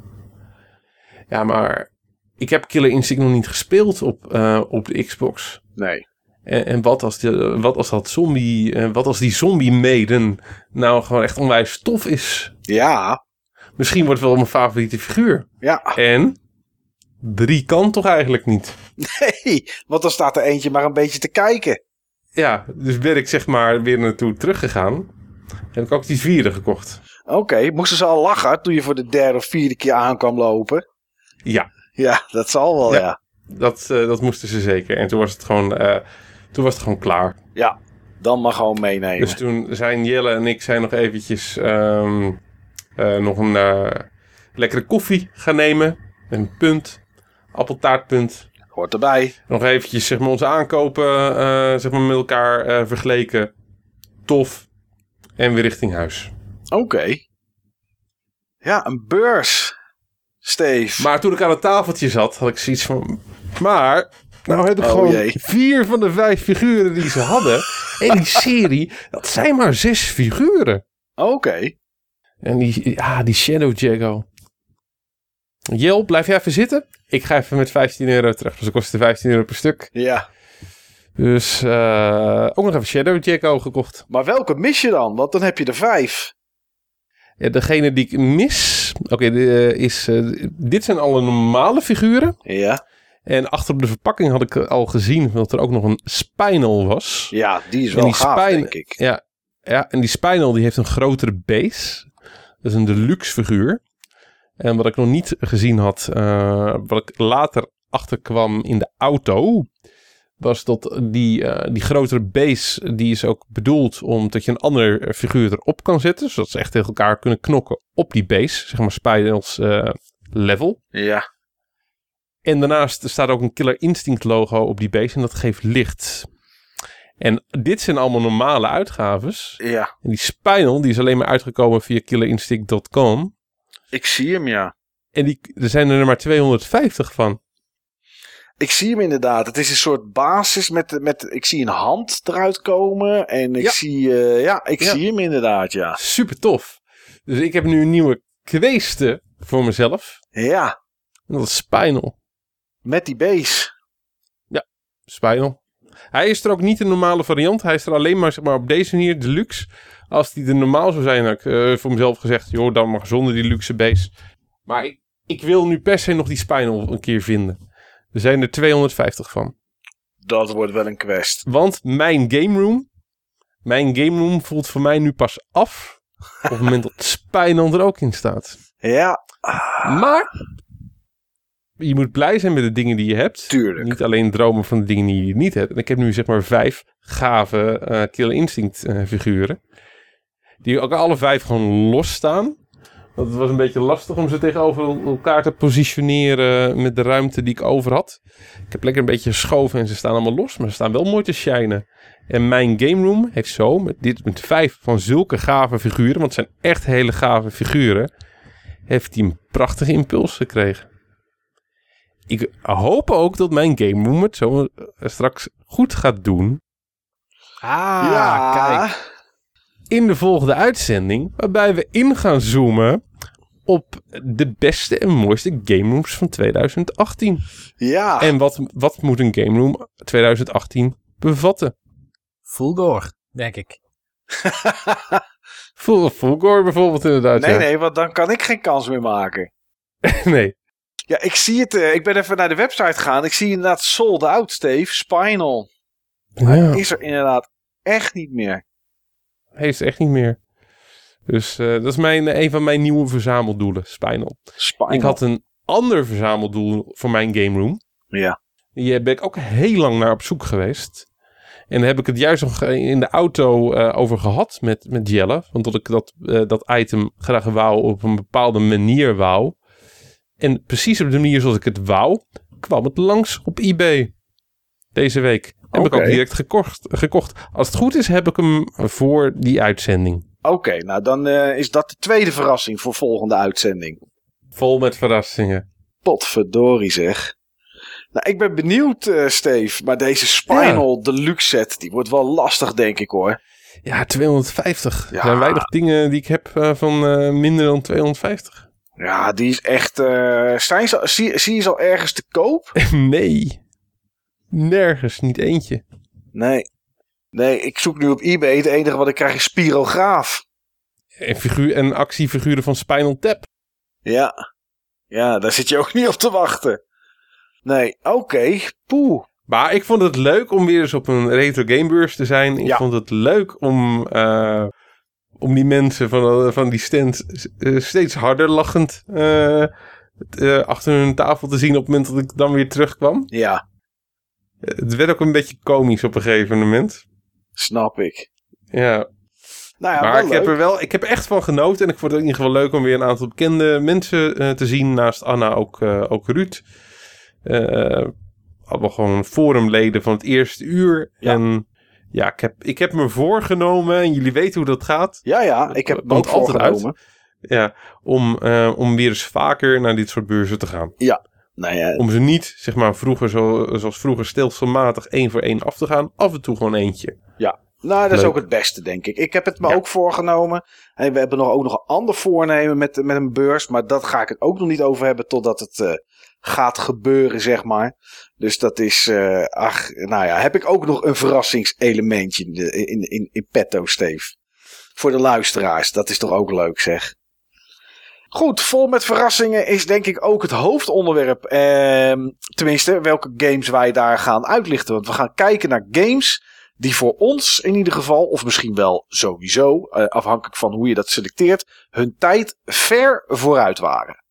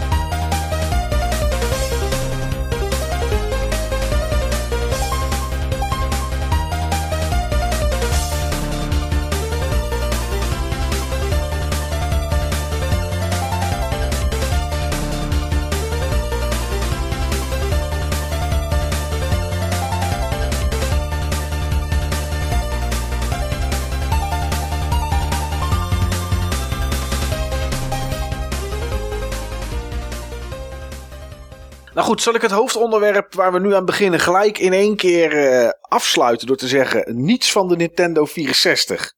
Ik denk dat dan zijn we in één keer klaar, jongens.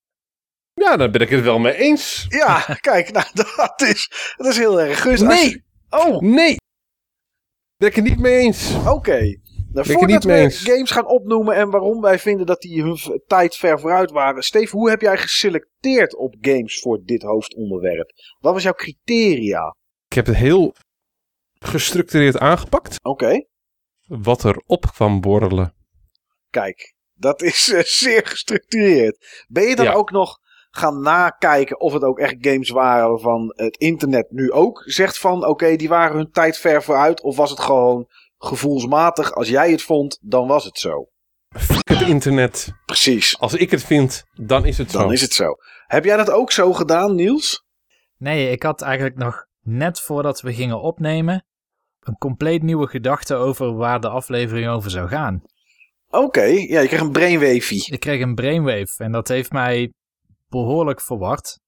Ehm, Oh, Want ehm, eh, ik heb eerst even zitten kijken van oké, wat wordt over het algemeen bedoeld met games die een tijd ver vooruit waren. ja. Maar toen dacht ik, wacht even. Voor mij betekent een game die iets bijvoorbeeld als eerste deed, wat daarna door heel veel games is nagedaan. Of een game die iets deed wat technisch best wel moeilijk was in die tijd, maar wat later makkelijk werd. Vind ik persoonlijk niet games die per se hun tijd heel ver vooruit zijn. Nee. Dus ik heb voor mezelf de definitie iets nauwer gemaakt. Naar games die toen ze uitkwamen eh, niet werden erkend. Zowel kritisch of eh, zowel professioneel als eh, door de markt. Mhm. Maar later in één keer, toen ze zeg maar re-emergeden, de patronen van die game of wat die game probeert te doen. Dat ze Ja. toen wel enorm populair werden. Een soort Vincent van Gogh onder de games, zeg maar. Ja, zoiets. Want Ja, ehm, eh, ik denk namelijk dat als we dit onderwerp hadden gedaan over iets als gadgets of films, dan waren we het heel snel eens over hoe we het onderwerp aan zouden moeten pakken. Ja, Ehm, nou, bijvoorbeeld bij ja. gadgets, eh, Microsoft bracht in 2004 de Microsoft Spot uit. En dat was een smartwatch. Die kon Ja. bijna alles wat eh, zo'n Samsung of een Apple Watch nu kan. Natuurlijk kunnen deze veel hippere dingen. Maar de visie hierachter was hetzelfde. Maar dat was niet het moment dat het aan kon slaan. En ik denk Nee. dat het komt omdat het een te grote innovatie was voor die tijd. En mensen hebben liever kleine stapjes, baby steps, die begrijpelijk zijn. En volgens mij heb ik ooit in een aflevering gezegd dat we vaak achterstevoren de toekomst inlopen. Dus dat we iets nieuws alleen maar kunnen uitdragen of kunnen uitleggen in termen van iets wat al bestaat. Daarom, ja, om te vergelijken. ja, daarom zien we heel makkelijk innovatie in bijvoorbeeld ehm, een computer die tien keer sneller is dan de vorige computer. Ja. Maar een laterale innovatie, dat, waar eigenlijk veel grotere stappen worden gemaakt, die zijn heel moeilijk te herkennen. En het is ook altijd maar de vraag of dat die in de markt landen. Oké, nou, Steve kan binnenkort vertellen in welke uitzending je dat gezegd hebt. Want eh, die, die, heeft, die heeft hem dan weer geluisterd. Ja, Ehm, ik ben wel benieuwd, Steve. Ja, eh, kom maar met iets van je lijstje dan. Eh, kom maar met een game waarvan jij dacht, die is zijn tijd, was of is of was zijn tijd ver vooruit. Ik heb het op verschillende manieren ingestoken, wil ik daarvoor nog eventjes zeggen. Ja, tuurlijk. Eh, ik heb het ingestoken zoals Niels zegt. Oké. Maar ik heb het ook ingestoken op puur technisch vlak. Of, of een bepaalde wow-factor die het had, die ik nog niet eerder gezien had. Mhm. Waar we natuurlijk regelmatig over gehad hebben in deze, in deze podcast is eh, arcade games Ja. en arcade kwaliteit. En hoe bijzonder het was op het moment dat je die kwaliteit thuis had. En ik weet nog wel wanneer ik dat gevoel had. Ik dat het meest had. Dat was toen ik zeg maar ja, op de dag van lancering, vier dagen na lancering, een Amerikaanse Dreamcast heb eh, gekocht. hey, dat zou een leuk verhaal Ja, zijn. Met Soul Calibur. Ja. Ah, dat zou een mooi verhaal zijn. Overigens, ik ben zeg maar... ehm er is ook een spelletje die ik, eh, wat ik voor mezelf eh, nu aan het doen ben. Ja. Een van de dingen ook waarom ik al die podcasts eh, aan het luisteren ben. Ik was benieuwd eh, naar hoe vaak, ik, hoe vaak ik dat verhaal verteld heb. Oh ja, daar hadden we het over in En- de vorige aflevering inderdaad. Het kwam niet voorbij in de pilot, Oh, nou, gemiste kans. aflevering 1. Echt waar? Dat was, Dat de eerste keer. Dat was de eerste keer. Oké, En NTSC-games. Oké. Dus logisch dat ik het toen over mijn Amerikaanse Dreamcast eh, ja, ging hebben. Ja, ja, ja. Maar eh, eh, games die hun tijd vooruit waren. Een van, de, een van de momenten dat ik dat gevoel altijd had, was wanneer je arcade kwaliteit in de huiskamer Ja, voor je had. En ik weet nog wel wanneer ik dat voor het eerst had. ik ben benieuwd. Dat was met Super Probotector op de E SNES. Oké. Ja, was Ja, dat jouw super- eerste gevoel daarmee, hè? Ja, dat was Super Probotector op de SNES. Ik, ehm, dat was de derde game die ik ooit had op de SNES. En ja, ik, ik vond die game echt fantastisch. En ik, ik had toen echt een heel stil, eh, hele groep vrienden in, eh, in huis. Eh, toen ik die game net voor het eerst had, of één weekend daarna of zo. Iedereen keek eens echt zijn ogen uit. Met die Mode 7 effecten. En de hoeveelheid karakters op het, eh, op het scherm. En het formaat van, eh, van de bazen. Schermvullende bazen. En achteraf waren het geen schermvullende bazen. Ook dat waren vaak een combinatie van losse sprites. Die dan visueel aan elkaar waren, wa- waren genaaid, noem ik het maar eventjes. Ja. Maar Super Probotector, eh, het, het, het geluid, de audiovisuele ervaring, de cutscenes. ehm, met maar met name die Mode 7 effecten. Ja, was echt tof. Ja. Dat was echt tof. En ehm, ik had het op de SNES eh, vaker. eh, dat ik er echt zoiets had van, joh, dit is echt zijn tijd ver vooruit. Een, een game waar ik het eh, nog niet zo heel lang over geleden gehad heb. Ik gok trouwens, ik ben er nog niet. Ik gok dat ik het ook wel even leuk voor mezelf. Ik gok dat ik het eerder over Super Protector heb gehad. Toen we eens een keer een top 5 SNES of top 10 SNES games gemaakt hebben voor onszelf. Oh, dat zou Maar- zomaar kunnen. Daar ga ik vanzelf achter komen. Ja, inderdaad. Eh, een game waar ik sowieso zeker van weet, omdat ik het eh, recent eh, erover gehad heb, over muziek in games. F-Zero. ja, Ehm, ja, de muziek vond ik tof, maar de muziek was niet het enige wat ik tof vond. De Mode 7 effecten. Ja. En hoe, die- hoe er een gigantisch gevoel van snelheid eh, werd, eh, werd gerealiseerd. De controle die je had over je voertuig. Of soms ook niet. Dat je gewoon echt eh, heen en weer werd gekaatst tussen die... tussen die... Dus die, die, die, ja, die banden of die afrastering, zeg maar, om het Ja. zo te noemen. Ja, Ja, klopt. En ehm, ja, het was ook een, een game die zijn gevoel van snelheid en zijn gevoel van beweging op een andere manier voor elkaar kreeg dan, ehm, dan veel van de racegames die ik tot nu dan toe op consoles zag. Want ik, ik weet, dankzij Niels, dat dat zeg maar vaak eh, gedaan werd met behulp van rastereffecten. En dat die rasters in elkaar dan werden gedrukt. Dat klopt. Ja, Ja, Ik, ik luister wel eens naar ik Niels. hoor het. En eh, ja, en eh, Zero deed dat niet. Die gebruikte echt gewoon eh, die Mode 7 scaling effecten voor. Ja, dat vond ik gaaf. oké. Ja, En een andere game waarbij ik het, ehm, waarbij ik het had op de, op de, op- had op de SNES. Ik zou er nog wel meer games kunnen noemen van de SNES, maar eh, dit is de laatste die ik voor nu wil noemen. Batman Returns. die heb ik nog steeds nooit gespeeld op de SNES. Geweldige beat-em-up. Ehm, hij was nog zijn tijd meer vooruit geweest op het moment dat je met z'n twee had kunnen spelen. Ja, Al had het misschien niet echt bij de sfeer van de Batman Returns film eh, gepast. En wat toen het eh, karakter eh, Batman was. Als je met Batman en Robin had eh, kunnen spelen, was een beetje raar geweest. Want Robin zat niet in die film. nee. En om nog een Batman met een paars pak ernaast te zetten of een groen pak, Dat had ook niet gekund. Nee, Dat is een beetje cheap. Maar eh, en ook dat was voor mij weer echt een arcade game in de woonkamer. Hmm, ja. Super tof. Oké, nou, dat is een net lijstje, Steven. Net eerste lijstje, heb ik het gevoel. Ja, Ik er komt vast wel meer. Komt vast wel meer. Ja. Nou ja, Niels, eh, wat, eh, wat kwam er bij jou als eerste opborrelen dan? Of wil je die game die je als eerste op je lijstje had juist voor het laatst bewaren... omdat je helemaal excited bent over wat je daarna aandacht? Nee, nee, nee. De eerste die wil ik best noemen. Eh, Geen enkel van de games trouwens die ik op mijn lijstje heb staan... waren games die zo in mijn hoofd opkwamen. Ik moest echt goed zoeken. Ik moest even Ja. goed teruggraven in mijn herinnering van mijn aanraking met bepaalde games of genres. En ik heb een vraag. Wat Ja. zijn op dit moment de drie meest populaire genres? Shooters, denk ik. Ja? Met name online shooters. Mhm. Eh, nou, ik zou eigenlijk geen ander genre kunnen bedenken op dit moment wat zo populair is als shooters. Ik denk dat dat op één staat. Dan denk ik gewoon action games. En dan denk ik aan eh, bijvoorbeeld zoiets als God of War dat straks uitkomt. Of eh, ja, weet ik veel. Sunset Overdrive. Ik noem maar iets. Dat soort, dat soort titels. Misschien Uncharted. En als derde zou ik zeggen, denk ik sportspellen. Want dat is altijd populair, zoiets als FIFA. Ik zou die drie genres zeggen. Ik zou daarin meegaan. Ik zou er eentje aan toe willen voegen. Ja? Games met, games met een survival element. Oh ja, dat is ook populair inderdaad, ja. Oké. Nou, ik dacht eigenlijk aan een genre wat nog veel populairder is dan de genres die tot nu toe zijn genoemd. Ja hoor, komt hij weer. Nou, nou, Niels, en in 19... wat zit je er weer gruwelijk te weten.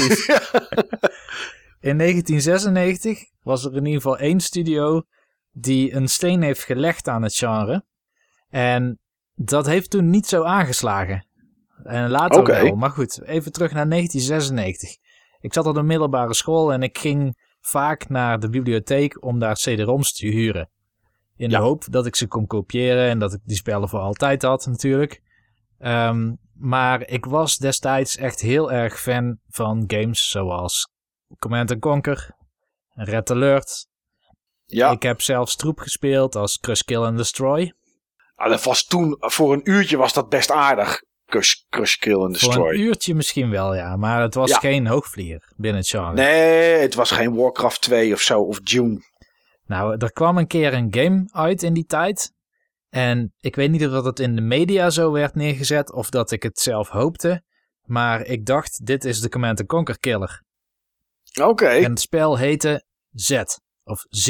Ik weet niet. eh, Oh Goeie ja. Z. Z. Ja. met die Dat ken ik. robots. Ja. Dat is een spel van de Bitmap Brothers. Goeie, go- goeie ontwikkelaar was dat. Of ik weet niet of ze ontwikkelaar waren of ook alleen uitgever soms. Maar Bitmap Brother Games, dat was toch wat jongens vroeger. hé. Oh man, Dat daar gaan we het nu niet over hebben. Maar En was echt een goede Z, was echt een gaaf spel. Ja, Ik, ehm, ik wou Z altijd hebben, maar dat is me niet gelukt om het te krijgen. Ik had een keer een demo van Z. En dat vond ik zo tof, omdat ik zeg maar die game ook wou, eh, wou hebben. Ja. En eh, volgens mij kon ik hem niet vinden. oké. Ja, ik, eh, ik, vond hem ook heel erg gaaf. Het werd uiteindelijk niet mijn eh, gewenste opvolger, zeg maar, van de Command Conquer Westwood games. Want het, ja, het ding was set was eigenlijk te tactisch. Wat ik vooral zocht destijds in een real-time eh, strategy game, was iets wat ik kon exploiten. En Command Conquer was nooit echt in balans. Jij maakt gewoon de dikste tanks en zoveel mogelijk en je valt zo snel mogelijk aan en dan win je. ja. Er zat heel weinig, zeg maar, balans tussen een tank en bijvoorbeeld een, een unit die te voet was. ja, Tegenwoordig, daar kon je gewoon overheen rijden. Ja, daar kun je overheen rijden inderdaad. Maar tegenwoordig bij iets als StarCraft, daar is de balans veel beter. Want dan kun je misschien voor één zo'n tank kun je wel vijf units kopen. En die schieten harder. En op het moment dat je ze op een bepaalde manier hebt geupgrade, schieten ze sneller. Dus eigenlijk zijn die vijf units dan meer waard dan die ene tank. Maar in die tijd was dat gewoon nooit zo. De tank was Nee. altijd beter in alle situaties. In Command Conquer games dan. Ja. Maar goed, Z was een beetje een ander soort game. Want je had een soort basis en je had robots. En er stonden een aantal vlaggen in het scherm. De bedoeling was overigens, je hebt twee teams met robots. Eh, eentje werd door de computer gespeeld, één team werd door jou gespeeld. En je had een fort en het vijand, de vijand heeft een fort. En je- de bedoeling is dat je dat fort overneemt dan win je. En hoe neem je die over? Door units te bouwen en door stationen of een soort mini-basissen over te nemen die op de map liggen. En dat deed je door een vlag over te nemen voor een basisgebouw. Capture the flag, jongen, de allereerste. Capture the flag, maar zelfs een opzet naar de MOBA. Oké. Ik denk later, zeg maar, eh, het werd denk ik beter uitgevoerd door een mod in Warcraft 3. Daar had je Ja. die eerste Dota. Ja. toen kon je dat ook ehm, tegen elkaar doen op de Warcraft 3 manier. En je had daar ook van die heroes, weet je wel. Je had niet alleen een Mhm. RTS, maar ook één unit en die had speciale abilities. Ja. En die kon je ook levelen en zo. Ik denk dat ja, de, klopt. de combinatie tussen dat levelen van zo'n hero en het capture the flag systeem, zoals Dota dat niet alleen deed, maar ook Z, Ja, dat werd pas veel later super populair. ehm, ja, onder andere door Dota, maar ook vooral door League of Legends. Dus ik denk dat de eerste zaadjes voor het genre, wat League of Legends zo populair heeft gemaakt, dat die in 1996 zijn gezaaid. ja, door Z. Door Z. Van de Bitmap Brothers. Dat zou goed kunnen. Je speelde ook echt met een beperkt aantal units inderdaad, ja. Het schijnt niet de allereerste game geweest te zijn met dat gameplay patroon. Er schijnt Nether Earth geweest te zijn uit 87. Oké. Maar ja, die, die heb ik nooit gespeeld. En ik probeerde het toch iets dichter bij mezelf te houden. Qua Ja. lijstjes die we vandaag zouden meebrengen. En ik weet ook dus niet of dat, dat wel echt zoveel lijkt op Z. Nee, eh, die, die game ken ik helemaal niet. Nether Earth. Maar goed, 6 96 naar 87, daar zit echt wel een wereld van verschil in natuurlijk. Ja, absoluut. Ja. Het is ook heel moeilijk natuurlijk om echt alles voor het eerst te doen. Nee, dat is ook zo. Maar toen je dit speelde in die tijd, dacht je toen ook van... hé, hey, dit, is, dit is tijd ver vooruit? Of is dat iets wat je pas later tegenkwam? Nee, dat is iets wat ik later tegenkwam. En dat zul je ook Ja. zien met de keuzes die ik heb gemaakt. Ehm, ik, er is wel een game waarvan ik denk dat die de tijd ver vooruit is die dit jaar is uitgekomen. Maar dat weet ik niet helemaal zeker. Want dat valt Oké. pas... Ja, je kunt heel moeilijk de toekomst in kijken natuurlijk. Ja. Maar als ik nu terugkijk naar een aantal games die populair zijn... of een aantal dingen die gedaan zijn... dan, dan zie ik in het verleden in games die ik gespeeld heb elementen terugkomen. En die sloegen toen niet aan. Tenminste, werden niet mainstream. Ja. En eh, ja, kennelijk nu wel. Want nu is de tijd er rijp voor. Ja, nou ja, dat, zo werkt het misschien wel. Ja, ik had dat wel met de eerste van mijn lijstje. Ik had de, de eerste game op mijn lijstje. Op het moment dat ik die speelde, dacht ik, zo, die game, die is de tijd. eh, Op dat moment vond ik die al ver vooruit. En eh, dat was vorige week op de PS4. Nee, grapje. Is op de Amiga geweest. En ik ben vandaag eens wat research verder gaan doen naar deze game. En volgens mij heb ik ook iets gevonden, maar daar kan jij misschien beter antwoord straks op geven, Niels. Dat deze game inderdaad zijn tijd wel een beetje ver vooruit was. Maar toen ik aan het spelen was, had ik dat gevoel al. En het was een game op de Amiga. En die was gemaakt door, eh, nou ja, het zeker weten gemaakt door een van mijn eh, geliefde uitgevers slash ontwikkelaars uit die tijd. En dat is natuurlijk Psychnosis. Ja, En eh Psychnosis had een game op de Amiga. En dat was eigenlijk, als je het in de basis vertelt, een hele saaie game. Tenminste, het was niet heel saai, het was heel veel actie. Maar het was eigenlijk gewoon maar een side-scrolling shoot-em-up. Alleen het was wel een side-scrolling shoot-em-up met, eh, niet met een ruimteschipje of met een vliegtuig, maar met een uil. En dat was toevallig het logo van Psychnosis. En de mensen die eh, de game gespeeld hebben of hem kennen, weten nu al dat het gaat over Agony. En Agony. Agony, ja. Nooit van gehoord. Nee, jij Niels? ik ook niet. Ja, trouwens wel. Ik heb er wel van gehoord. Ja. Ik heb deze Nou, het gespeeld. Ja, het was een sidescrolling, zoals ik net zei, sidescrolling uh, shoot 'em up met een, eh, met een uil. En ehm, het was een game die voor mij vooral op dat moment grafisch heel veel indruk maakte. Het was iets wat ik nog nooit had gezien. Het was een game die kwam uit voor de Amiga 1200 in AGA. Dat was de verbeterde grafische chip die, daar, eh, die erin zaten, in zat. Maar ook op de 500 kwam de game ook uit. Ehm, en daar had ik hem voor. En wat ik al sowieso bijzonder vond, was volgens mij dat het de eerste game was die ik had. Ik zal niet zeggen dat het de eerste game was die het ooit deed. Maar je kon het ook in high-res spelen. En dan kreeg je wel een soort interlaced flikkerend scherm. Dus dat was niet echt prettig om naar te kijken op een gewone televisie. Maar dat maakte er al iets bijzonder aan, aan deze game. Maar wat het voor de rest voor mij was, was dat er heel veel grote sprites op het beeldscherm te zien waren. Het was een game die snel draaide. Voor mijn gevoel was het een hele snelle game. Ehm, hele grote sprites. En het zag er ook nog eens geweldig uit. En ik weet nooit, ik wist nooit hoe het kwam dat ze dat voor elkaar kregen. Want er zijn plekken in de game waar bijna nou, niet overdreven gezegd, 70% of zo van het scherm allemaal tegelijkertijd beweegt. Het zijn jouw kogels, de kogels die op je afkomen, items die je op kan pakken, eh, de zee die bijvoorbeeld onderaan het scherm zit en die beweegt. En dit was echt een geweldige ervaring. Ik moet wel gelijk daarbij zeggen dat ik de game zelf iets minder tof vond om te spelen.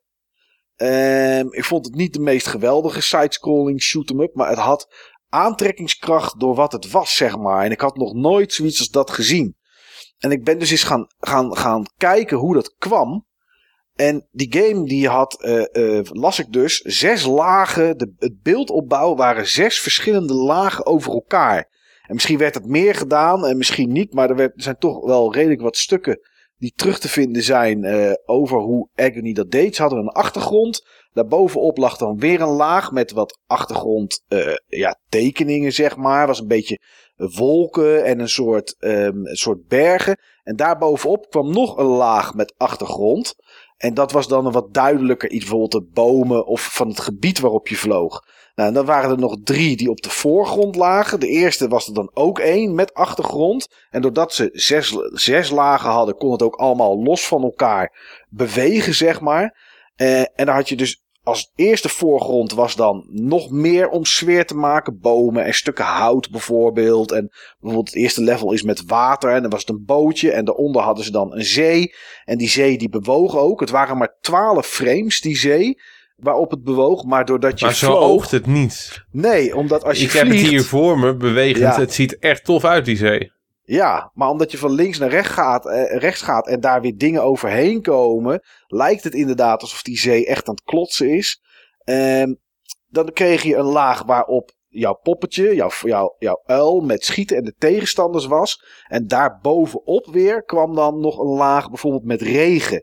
Ehm, en doordat dat bovenop lag, zeg maar, leek het echt alsof het ja, op de voorgrond was of zo. Ik weet niet hoe ze het precies. Ja, dit is hoe ze het deden. En ik weet ook niet of dat bijzonder is. Maar ja, al die lagen konden natuurlijk eventueel los van elkaar bewegen. Dus je kreeg behoorlijke parallax scrolling, zeg maar. Dus voor de mensen die niet weten dat de ene laag anders beweegt. De voorgrond op de andere snelheid gaat dan die van de achtergrond. Ja, kreeg je eigenlijk gewoon onwijs gaaf iets eh, om naar te kijken. En dit was voor mij iets wat zo al het andere wegblies van wat er was.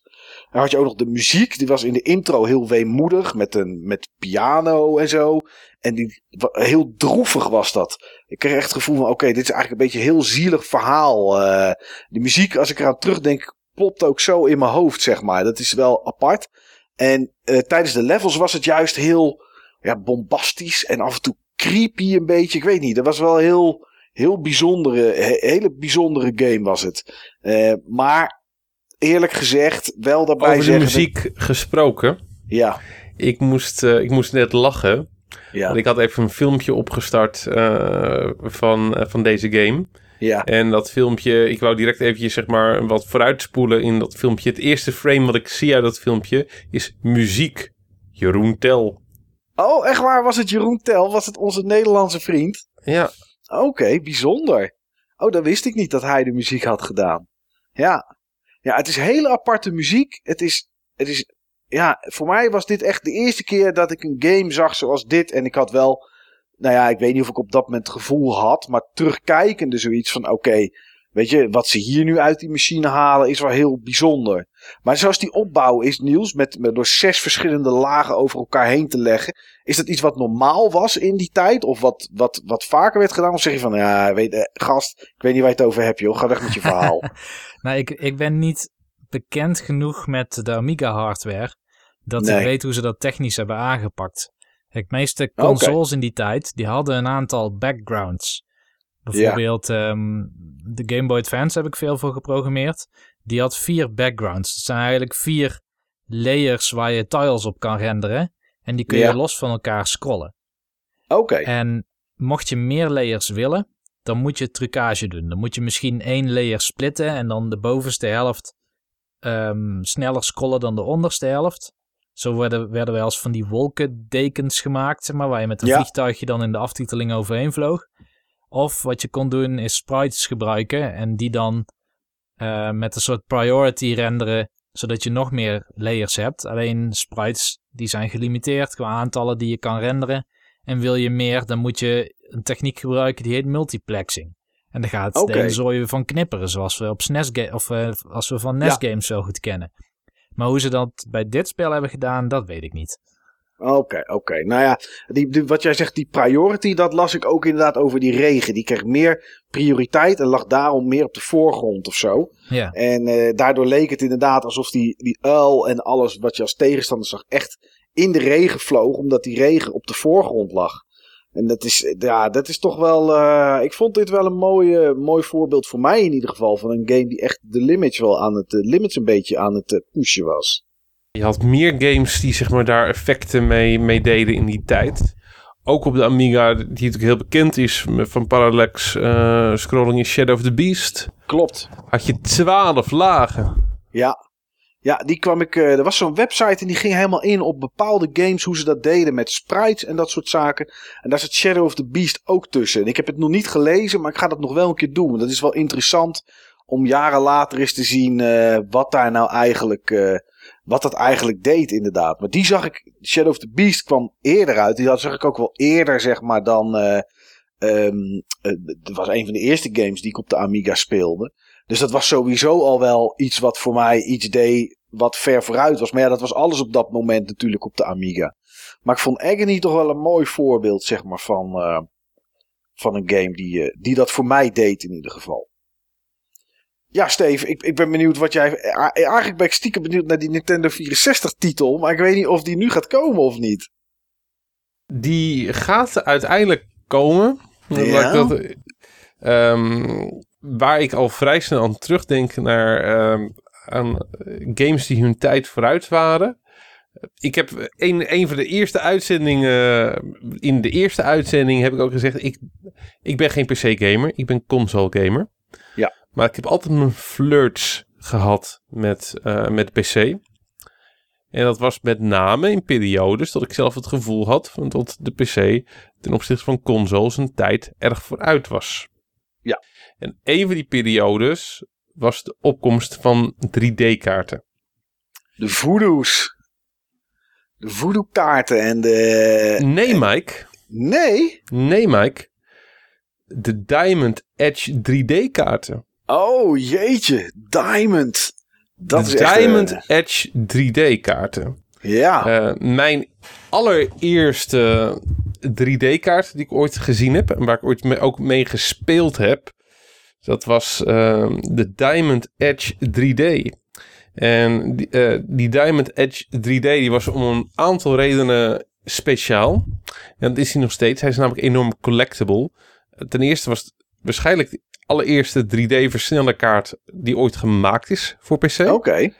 Ten tweede ehm, werkte die niet met triangles, maar met quads.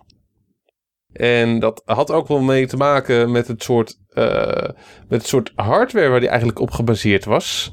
Want in zekere zin was het gewoon een Sega Saturn eh, chipset. eh. Die je op die manier in je PC bracht. Hmm. En de Diamond Edge 3D, die is ook zeg maar met een. je kon hem voor, volgens mij voor 190 of eh 190 dollar kon je hem kopen. Ik denk dat je hem voor 290 of 390 gulden kon kopen. Ja. En dan kreeg je een aantal dingen. Dan kreeg je die kaart. Dan kreeg je twee Sega Saturn controllers. Die je zeg maar aansloot op een bracket waar die kaart mee communiceerde.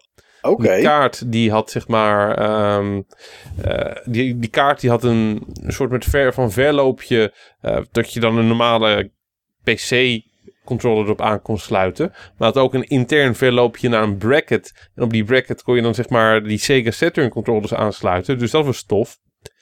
Wat hij ook had, was zijn eigen geluid. Het was, Oh. eh, behalve een, een graphics card, was het ook een soundcard. Dus tof. En ehm, hij kwam met drie games. NASCAR Racing, Ja.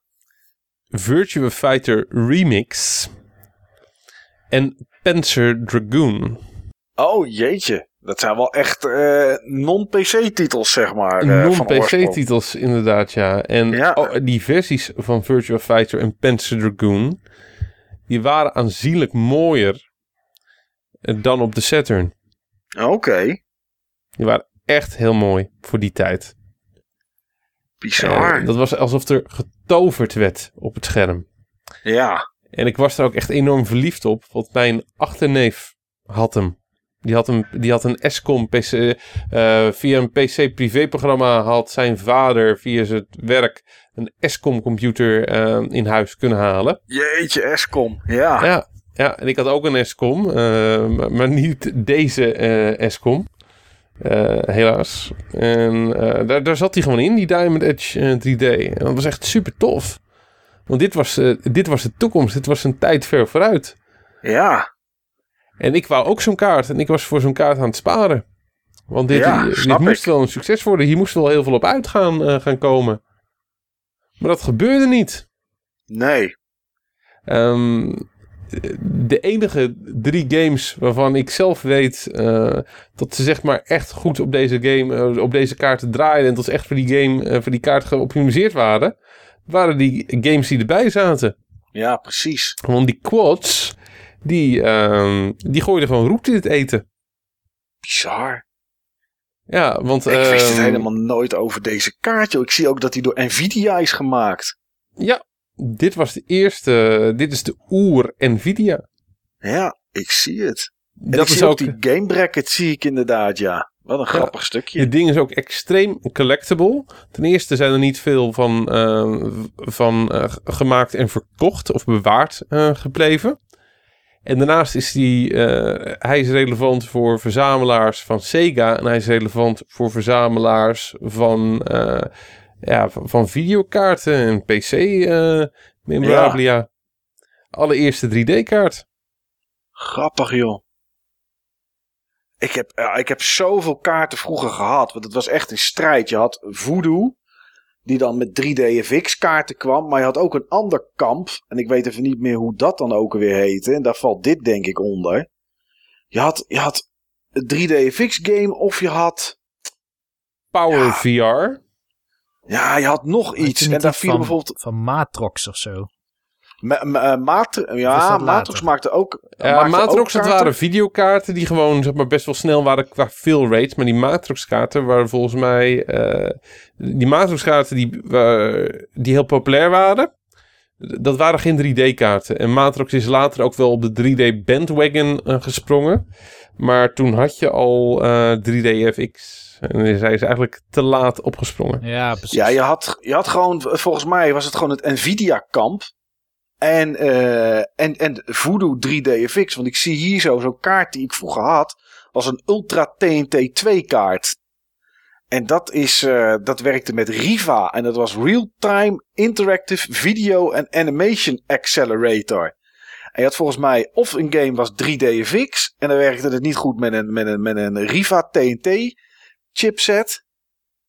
Ja, oh, hier staat het ook. Riva TNT 2 eh, Competition included de 3DFX Voodoo. En de Matrox G400 ook nog.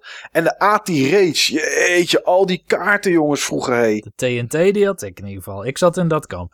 Ik, zat, ik zat eerst vroeger in het 3DFX kamp. Want daar had ik Unreal.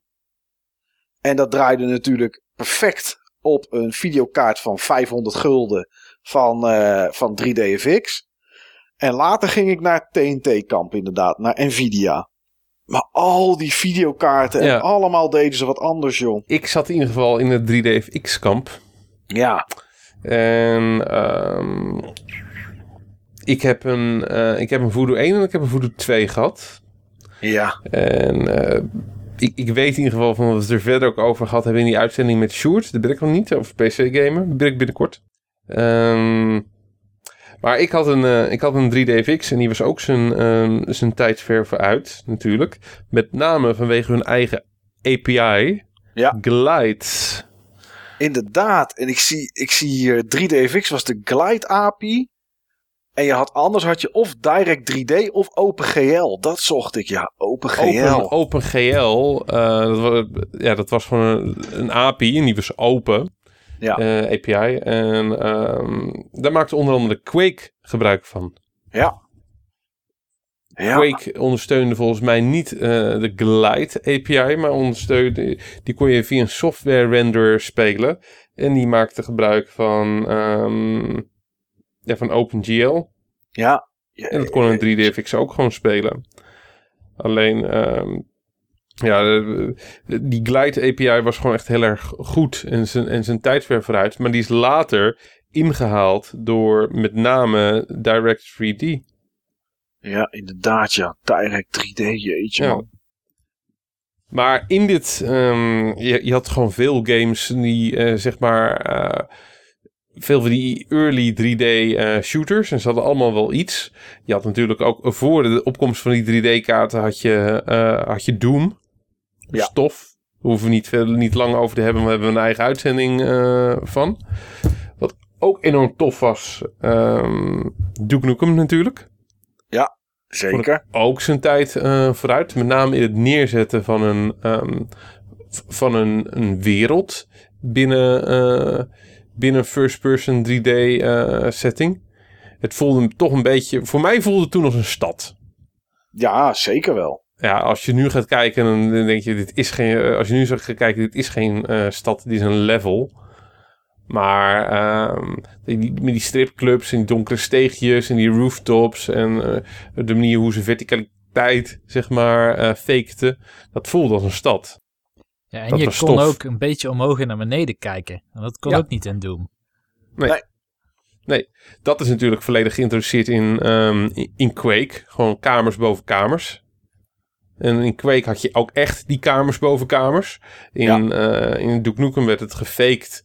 Dan, dan, dan voelde het zeg maar alsof die kamer boven je was, maar eigenlijk was die, was die elders. Maar in Quake had je dan echt die kamer boven je. En dan kon je dus echt veel volledig omhoog kijken en dergelijke. Maar de game, ehm, een first-person game die, eh, die mij toch wel extra indruk ha- had gemaakt. En die voor mij zijn tijd eh, vooruit was ten opzichte van al die andere games. Die ik eventjes extra uit wil lichten. Dat is een game die ik gespeeld heb op de Nintendo 64. En dat was Turok. Ah, Turok. Turok Dinosaur Hunter. Ja. Met zijn geweldige animaties. Ten opzichte van, ehm, van veel van die andere eh, games die je toen had. Eh, Quake was ten opzichte van Turok echt geweldig houterig. Ja.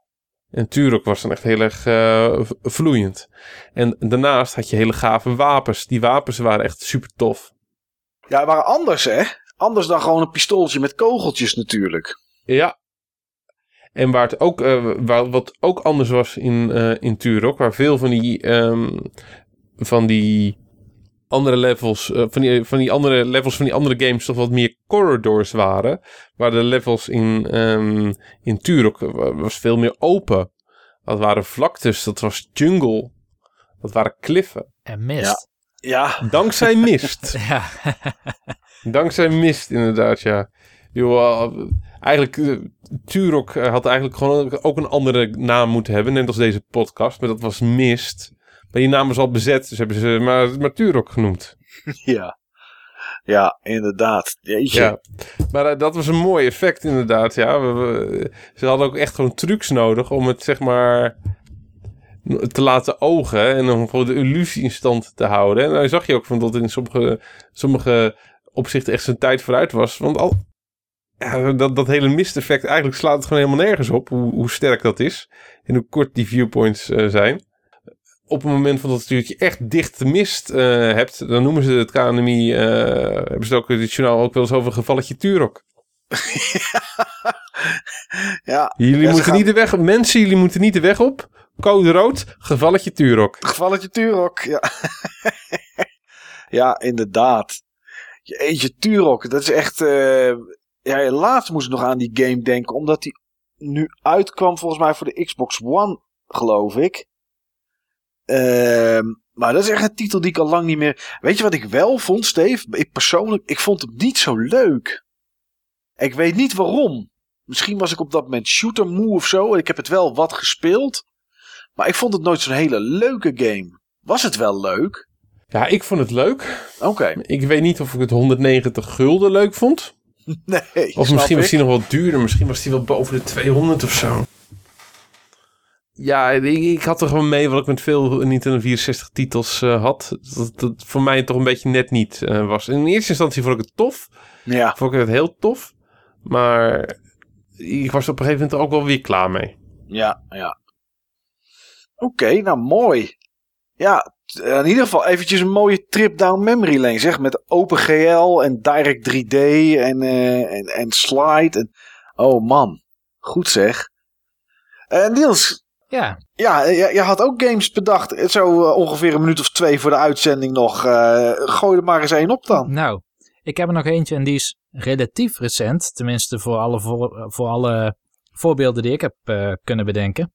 Ja, De game komt namelijk uit 2006. oké. Ehm, de game heet eh, The Elder Scrolls 4 Oblivion. Ja, En daar dan een klein onderdeel van, wat je voor 200 Microsoft Points kon aanschaffen. En dat was het Gouden Horse Armor DLC. ja. Ik denk dat dat Tot. zijn tijd ver vooruit was. En, wel, en wat ook zijn tijd vooruit was, was de enorme shitstorm die dat teweegbracht onder gamers. Precies. ja. Terwijl je zou in deze tijd blij zijn als je iets kan kopen in een grote game wat maar 2 euro kost. Ja. En je, heb jij niet net een, een, wat was het, een vrouwelijke versie van een Hunter voor 9 Nee, nee, euro? dat heb, jij verkeerd, dat heb je verkeerd gehoord. nee, nee. Ja, nee, dat klopt. Ja, daar heb ik 9 euro voor betaald. Eh, Ook een cosmetische verandering. Ja, want het doet niks meer of minder. Nee, en natuurlijk had je Team Fortress 2, daar had je ook hoedjes die je kon kopen. ja. Ze veranderden niks aan de gameplay, maar het was allemaal cosmetisch. Maar op een gegeven moment is het geaccepteerd. Maar toen had het een shitstorm, zoals Steven net al noemde. Er zijn ja, dat artikelen geschreven echt... over dat het nu echt te ver ging. En dat ze zichzelf echt nog wel tegen zouden komen met zo'n business model. Ja. ja, en als je nu kijkt, de, degene waar, wat nu een beetje datzelfde, diezelfde aandacht geniet, zijn skins in ehm, Fortnite. Er is nu net een soort, een soort gargoyle-achtig iets, een soort Reaper-achtige achtige outfit. Die kost je omgerekend, want je moet de V-Bucks aan uitgeven. Maar als je die V-Bucks niet verdient in, ehm, in de Player versus Environment mode, die ook in Fortnite zit. Want bijna iedereen kent Fortnite alleen vanwege de Battle Royale. Maar eigenlijk is, is die er pas later bijgekomen. Ehm, als je, geen, als je V-Bucks moet kopen, ben je voor die eh, Reaper-achtige skin 20 euro kwijt. Zo, ja. 20 euro voor een skin. En dan snap ik wel, die game is free-to-play. Dus ik vind het voor de rest prima, want het levert toch geen eh, voordeel op. Maar er zijn toch mensen die daar een beetje hetzelfde gevoel bij hebben, zeg maar. eh, dat 20 euro toch wel een beetje veel is voor iets cosmetisch. In 2006 betaal je 10 keer eh, minder voor gouden armor voor een paard. En Ja, eh, maar laten we wel eerlijk zijn, hè. Op het moment dat je, dit, eh, dat je er een 2018 model van zou maken... ja, betaal je niet 20 euro voor, eh, voor die horse eh, armor. Maar dan stopte het in een lootbox. En dan mocht Ja. je ervoor rollen. En dan Ja. stopte het boordevol met, eh, ik ik zeg maar wat, een level 2 zwaard. Een level, eh, een level 4 helmet. Oh, ik heb het! Horse armor! ja, nee, ja, dat is zo. Dat is zo. Maar inderdaad, Niels, die game was zijn tijd ver vooruit toen, ja. Ja, zo had ik helemaal nog niet naar gekeken. Ja, Wat had je wel Mooi, bekeken dan? nou, de, ik zou je eerlijk zeggen dat net terwijl eh, jij, Steve, ehm, over, ehm, over Turok had en vloeiende animaties, kwam er ineens een game bij mij boven. En ik ga alleen de titel zeggen, want ik heb er voor de rest helemaal niet iets mee gedaan. Maar weet je waar ik dat de allereerste keer bij had en ik dacht, zo, dit is toch wel heel vloeiend en bijzonder. Dat was bij Prince of Persia. Ah ja, Was ook zo. daar heb ik ook nog wel over nagedacht vandaag hoor. Ja, de allereerste keer dat ik die game speelde was gewoon onder DOS. En man, wat, waren, wat beweegde dat ventje vloeiend, zeg hé. Dat was echt niet normaal. Het was een tijd ook vooruit. Volgens Ja. mij hadden ze er ook mocap voor gebruikt. Ja, dat zou zomaar kunnen, want het- ik had nog nooit zoiets gezien. Echt nog nooit. Maar goed, een game waar ik het wel even over wilde hebben, die voor mij eh, de tijd voor mijn gevoel ver vooruit was, was eh, nou een jaar of, eh, weet ik niet, Ik weet niet hoe lang geleden, want dat heb ik eigenlijk niet uitgezocht. Maar het was een tijd geleden. En dat is GTA 5 op de PS3 of op de Xbox 360. En nou was het die open wereld, was niet echt zijn tijd ver vooruit of wat dan ook. Maar één systeem vond ik wel zijn tijd vooruit.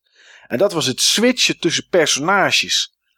Eh, die game speelde je niet met één personage, maar met drie. Met Michael, met Trevor en met nog iemand waarvan ik zijn naam op dit moment even niet meer weet. Eh, maar dat boeit voor de rest niet. Je kon switchen tussen die drie personages wanneer je maar wilde.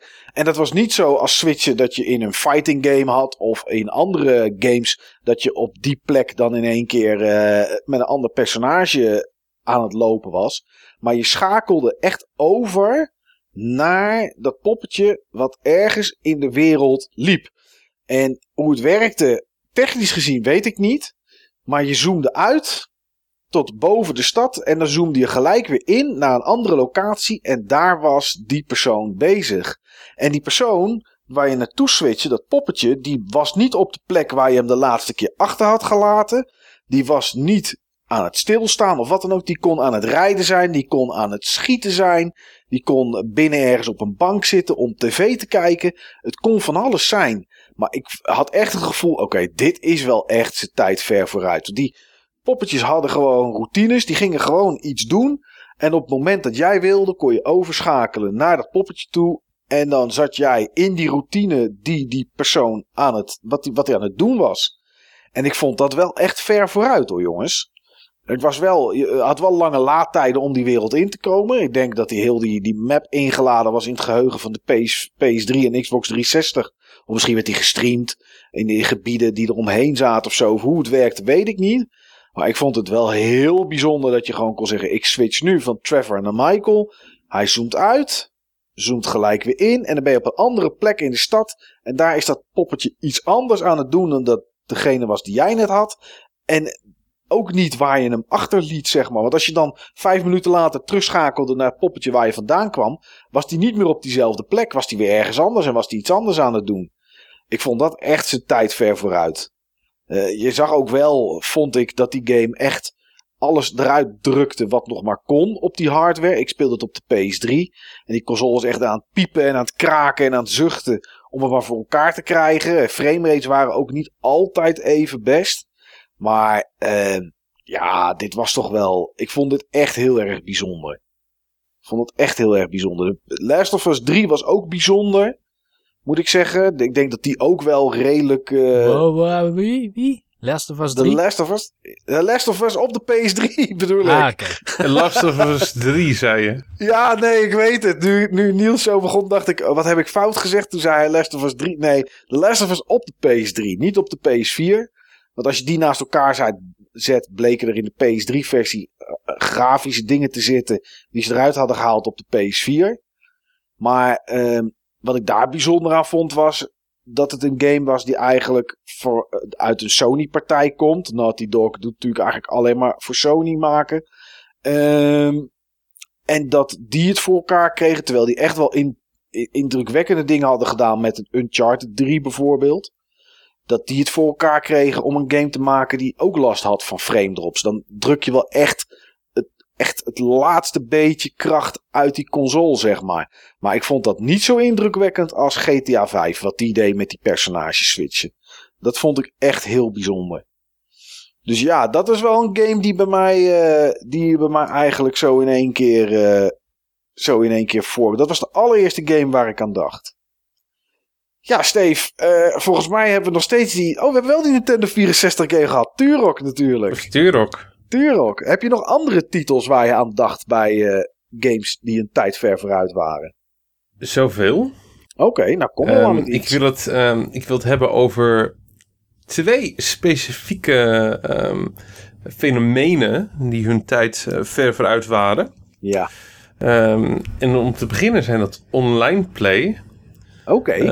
Wat, Wat eigenlijk, ik daar niet aan gedacht heb, zeg. Stom. Wat eigenlijk geïntroduceerd is op, eh, op de Dreamcast. En wat succesvol geïntroduceerd is op de Xbox. Ja, Ehm, ik had geen. eh, ik heb nooit online gespeeld via mijn Dreamcast. Vind ik intens jammer. Ik ook. Eh, met alle kennis van nu had ik heel graag ehm, Fantasy Star Online willen spelen ehm, toen het nieuw was. Ja, dat had ik ook wel gewild hoor. Hey, Kan, dat kan niet meer. Nee. Dat kan niet meer. Dus ehm, Ik heb geen, ik, geen Dreamcast gehad, maar die heb ik wel gespeeld. In Op die PC? tijd. Nee, op de Dreamcast ook. op de- Bij een vriend hoe van was mij. dat? Hoe was dat, Niels? Ja, onwerkelijk. Onwerkelijk Ja. omdat, je, omdat je inbelt en, ehm, en je zag die andere poppetjes lopen. En ik kende online wel van de PC.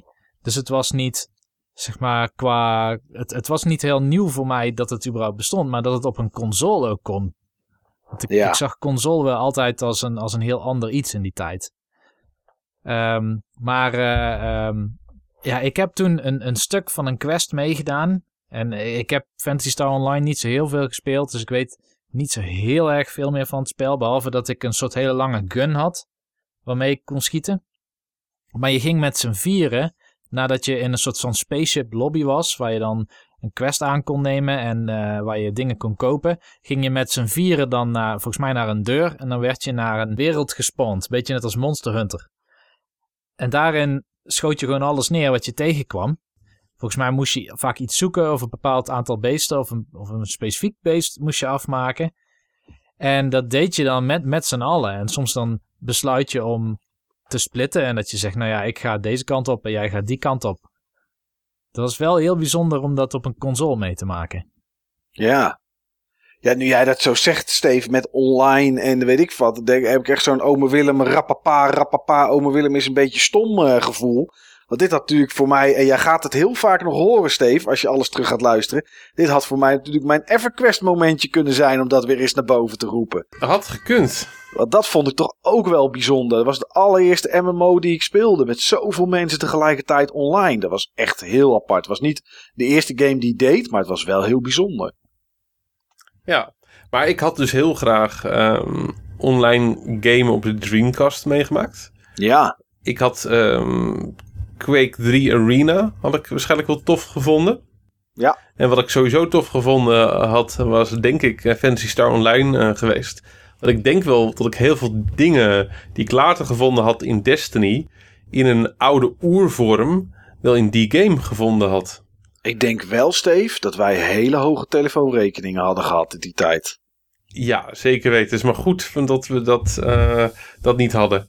Ja, Dat was, niet, eh, dat was waarschijnlijk ook een van de redenen dat ik het niet had.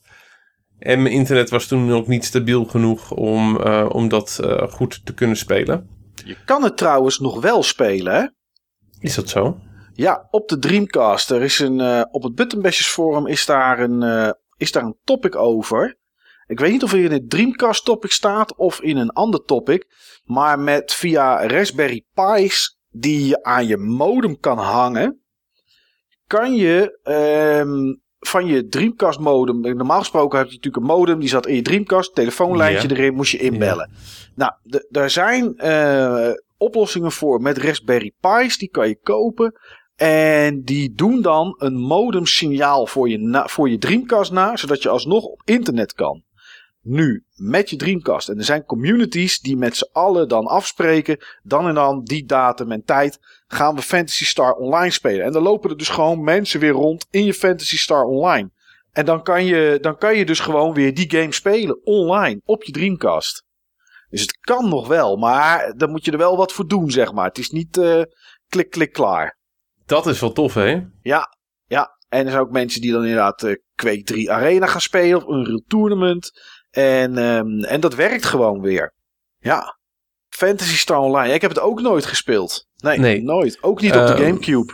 Ik, eh, ik weet namelijk wel wat, wat eh, een game is die ik wel online gespeeld heb. Wat waarschijnlijk de eerste game is die ik online gespeeld heb.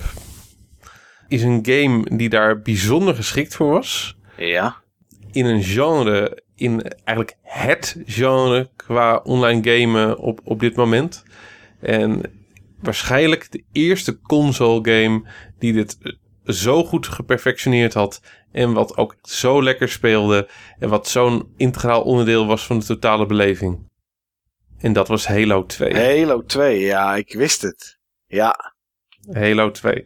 Ehm, ik had Halo 2 eh, gekocht. En ehm, ik heb weinig gespeeld van de campaign op, ehm, op, op Halo, eh, Halo 2. Ik heb Halo 2 heb ik pas uitgespeeld qua campaign op Xbox 360. Oké. Maar ik heb hem wel eh, gespeeld op, ehm, op Xbox Live. En ook niet direct. Ik, ik had wel, ik had, ik had zeg maar zo'n setje gekocht met Halo 2, drie maanden Xbox Live en zo'n headset. Oh ja, zo'n headsetje erbij. Ja, ja, ja, ja. Eh, Ik, dus ik had wel de intentie om online te gaan gamen, maar het, eh, on- online te gaan spelen, maar het was er niet van gekomen. Eh, ik weet nog precies wanneer het er wel van gekomen is. Nadat ik verschillende avonden, volgens mij zelfs vele avonden, ehm, naar Halo 2 eh, gevechten gekeken had. On- online gewoon bedoel je? Live. Oh, live. live. Beeldvullend. eh, e-sports. Ehm, rechtstreeks. Dus eigenlijk was dat zeg maar mijn, ehm, mijn eh, eerste ervaring met wat, wat later e-sports en Twitch zou, eh, zou worden. Ja. Maar waar was dat op, eh, op Mike? Waar, Ja, eh, heb ik, waar heb ik vele avonden Halo 2 eh, zitten kijken? Ja, ik ga bijna denken aan zoiets als Sky Channel of zo. TMF. Op TMF. Oh. Team F had na een bepaald eh, moment, volgens mij na 11 uur of na 12 uur, Ja. hadden ze zeg maar eh, eh, live online gaming op Xbox. Volgens mij was het gesponsord door Microsoft, Ongetwijfeld. ongetwijfeld. En ehm, het, het waren denk ik verschillende games die op die manier gespeeld eh, werden. Maar volgens mij was het allemaal geen hit op één ding na, Halo 2. En dat vond ik zo tof. Dat zag er zo gaaf uit. Bizar, joh. Dat, inderdaad, dat deden ze, ja. Ja, dan heb je het over, denk ik, ruim 15 jaar geleden. Zeker wel. Ik denk 2003. 2003, 2004. Ja, zoiets. De- ja. Moet, dat moet. En ehm, ja, dat, was dus mijn kennismaking met, met, online, eh, met online gamen, e-sports en livecasting. Bizar. De voorloper van Twitch, TMF. TMF. Nou, dat had eh Sylvana Simons zou daar nu niet meer aan terugdenken, denk ik. ik denk het niet.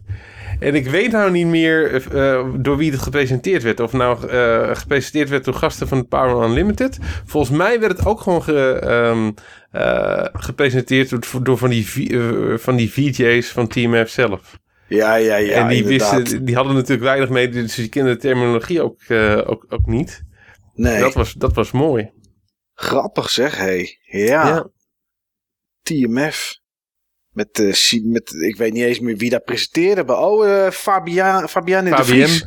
Fabienne, de Vries. Fabienne de Vries inderdaad, ja. Goh. Leuk man. Dat is een mooie, mooie herinnering ook weer, zeg, hé. Zeker Potverdorie. weten. Nou goed, ehm, ik heb zelf nog wel even een game die ik even... Twee dingetjes die ik er tussendoor wil drukken. Om nog eventjes genoemd te hebben. Eén daarvan is eentje die volgens mij vandaag de dag nog steeds gebruikt wordt. Maar echt al heel oud is. En dat is Crysis op de PC. Als er Die stond, game... ook, nog- die stond ook nog op mijn lijstje. Ja, als er één game is die nog steeds gebruikt wordt voor benchmarks en dat soort dingen, dan is het Crysis. En ehm, ik weet niet waarom die game zo zwaar is eigenlijk. Ik, of, ja goed, ik heb er wel wat over terug zitten, zitten lezen. En iemand, en dat was eigenlijk wel mooi op het internet, en ik denk dat die game daarom ook zijn tijd vooruit was. Eh, iemand op het internet zei, no matter how much money, Crysis made your PC look like shit. En dat is ook zo. Weet je, als je net een nieuwe PC kocht vroeger, dan ging je natuurlijk de games draaien die altijd slecht draaiden. Of waar je dacht van zo, nou hier, hè, dit wil ik goed kunnen draaien. Heel erg vroeger deden we dat met 3D Benchmark of met 3D Mark. Dat was echt zo'n dingetje. Nou, dan ging je ook altijd huilen. Want dat draaide nooit soepel. Maar Crysis was ook zo'n game waar, dat, eh, waar, je dat mee, waar dat mee gebeurde. Het was grafisch Ja, weet je, is het nog steeds prima op dit moment om het te spelen. Het is natuurlijk wel wat gedateerd, maar alles kon je opblazen. Bomen vielen om. eh, waar je ook maar naartoe kon kijken, kon je naartoe komen. Beetje hetzelfde als in Far Cry. Eh, in de eerste dan in ieder geval. Maar die ontploffingen en zo, ja, weet je, dat was echt bizar. En die game wordt nog steeds gebruikt. En, en ik zat ook te lezen dat het wel leek, zeg maar, alsof als games nu gemaakt worden, wordt er natuurlijk rekening gehouden met, moet het doen op de Xbox One, het moet het doen op de PS4, ehm, misschien op de Switch. En het moet het doen op een beetje gemiddelde PC, zodat het veel verkoopt. Maar het, het lijkt wel of dat ze bij Crysis daar gewoon helemaal niet over nadachten. Dat ze gewoon maar wat maakten. En eh, ja, als je het niet kon draaien, jammer joh. Dus dat was wel echt een, eh, een bijzondere game. Het leek alsof ze niet hadden ingecalculeerd hoeveel mensen inderdaad de target hardware zouden hebben op het moment dat die game uitkwam. Zo Ja. gewoon overal zijn ze all out gegaan in alle aspecten. Ja. Ja, Ook heel slecht geoptimaliseerd. Ja, ongetwijfeld. Maar het was echt het was puur smijten met kracht. Dus wat dat betreft was het, nou ja, of het tijd ver vooruit was, is, eh, is, valt misschien over te twisten. Maar dat was toch wel een game, ja, die wordt nu nog gebruikt in, benchmarks. Dus wel, eh, misschien is het ook een beetje een soort van running gag, zeg maar, geworden. Dat als je nu een nieuwe PC neerzet, dat je nog steeds Crysis doet, omdat het zo hoort. Maar ja, dit is wel een eh, aparte.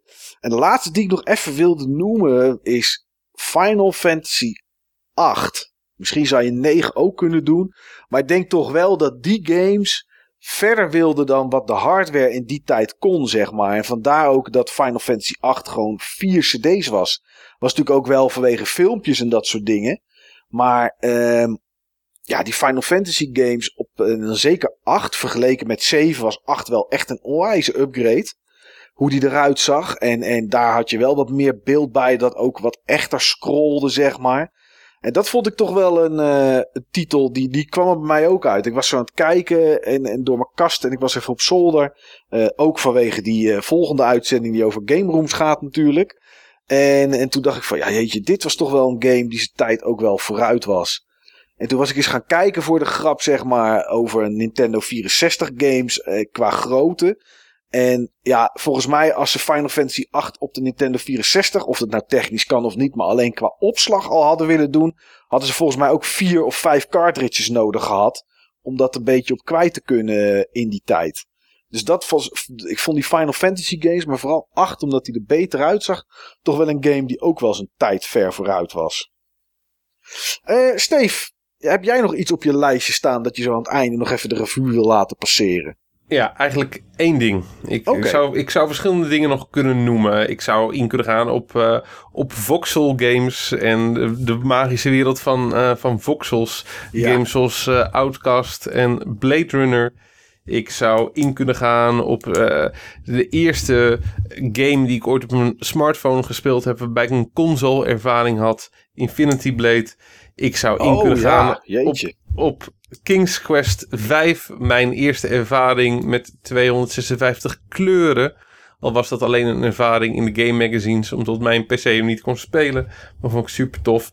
Maar het laatste wat ik, eh, waar ik eh, het over wil hebben, is eh, games die hun tijd ver, ver vooruit waren qua controls. Oké.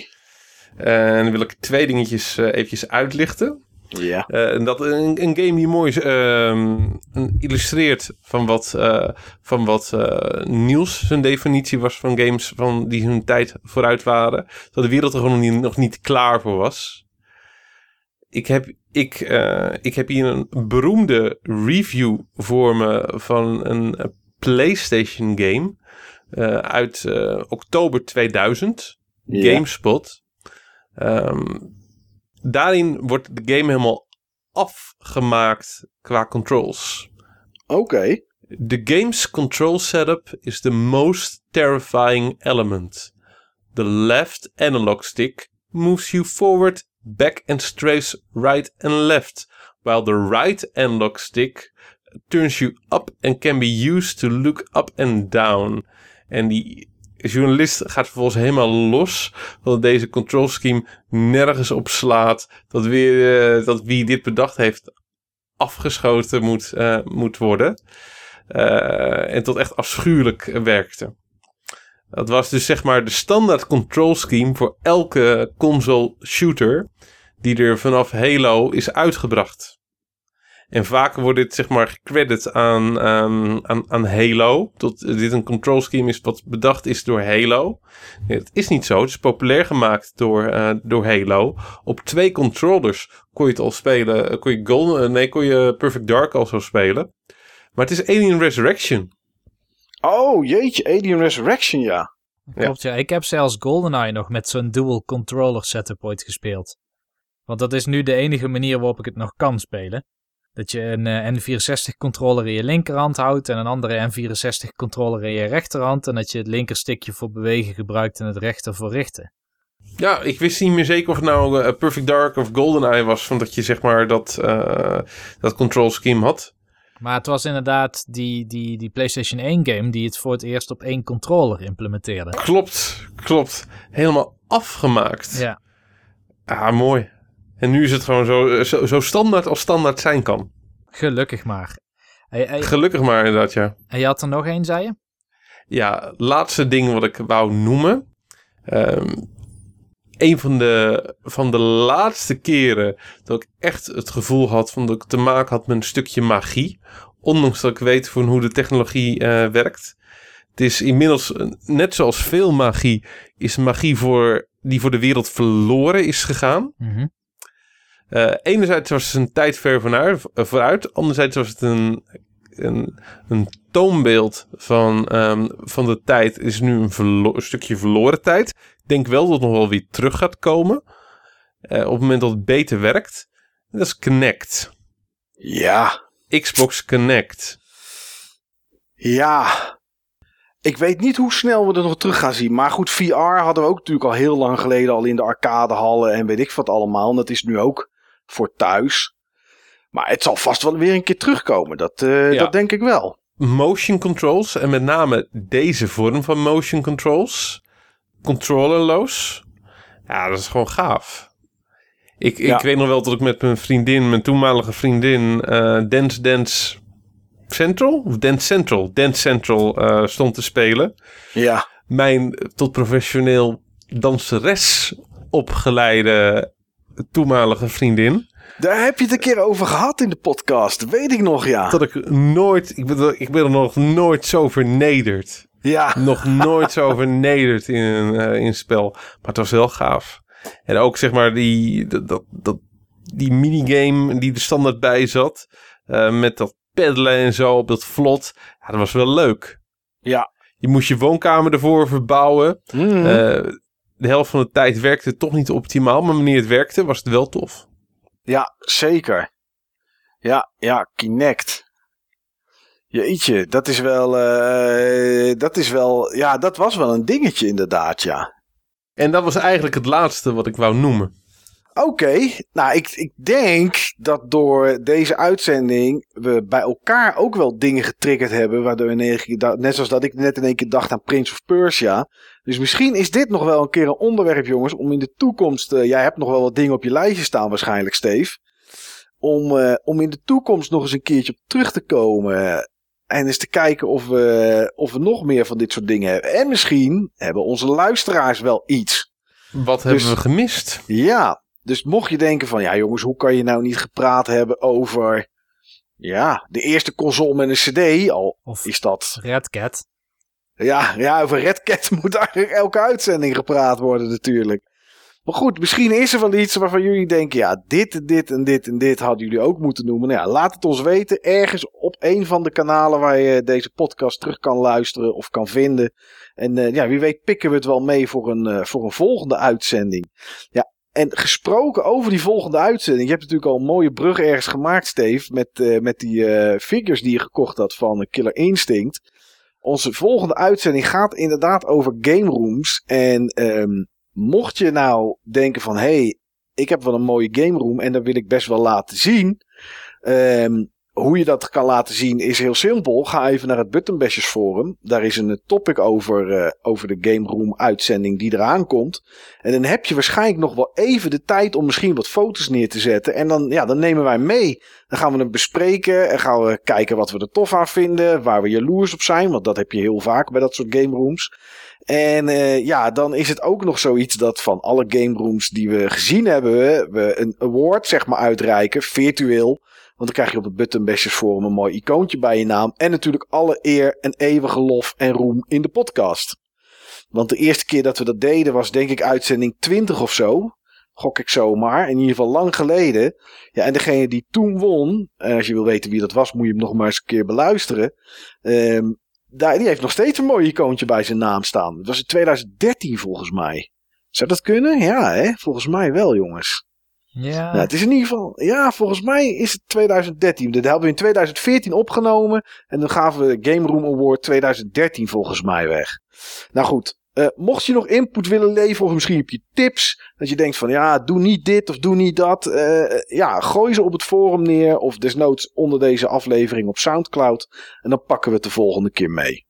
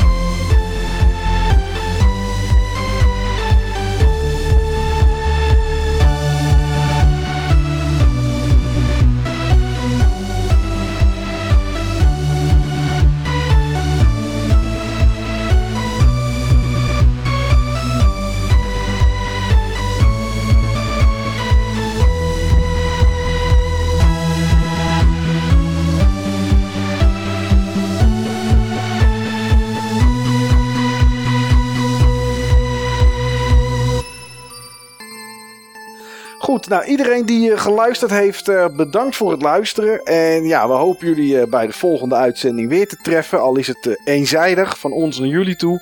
Maar goed, andersom, laat wat weten. gooi ergens iets neer. We lezen het, pikken het op en nemen het mee. Dit was aflevering nummer 86 en we gaan op voor 87. Tot de volgende keer.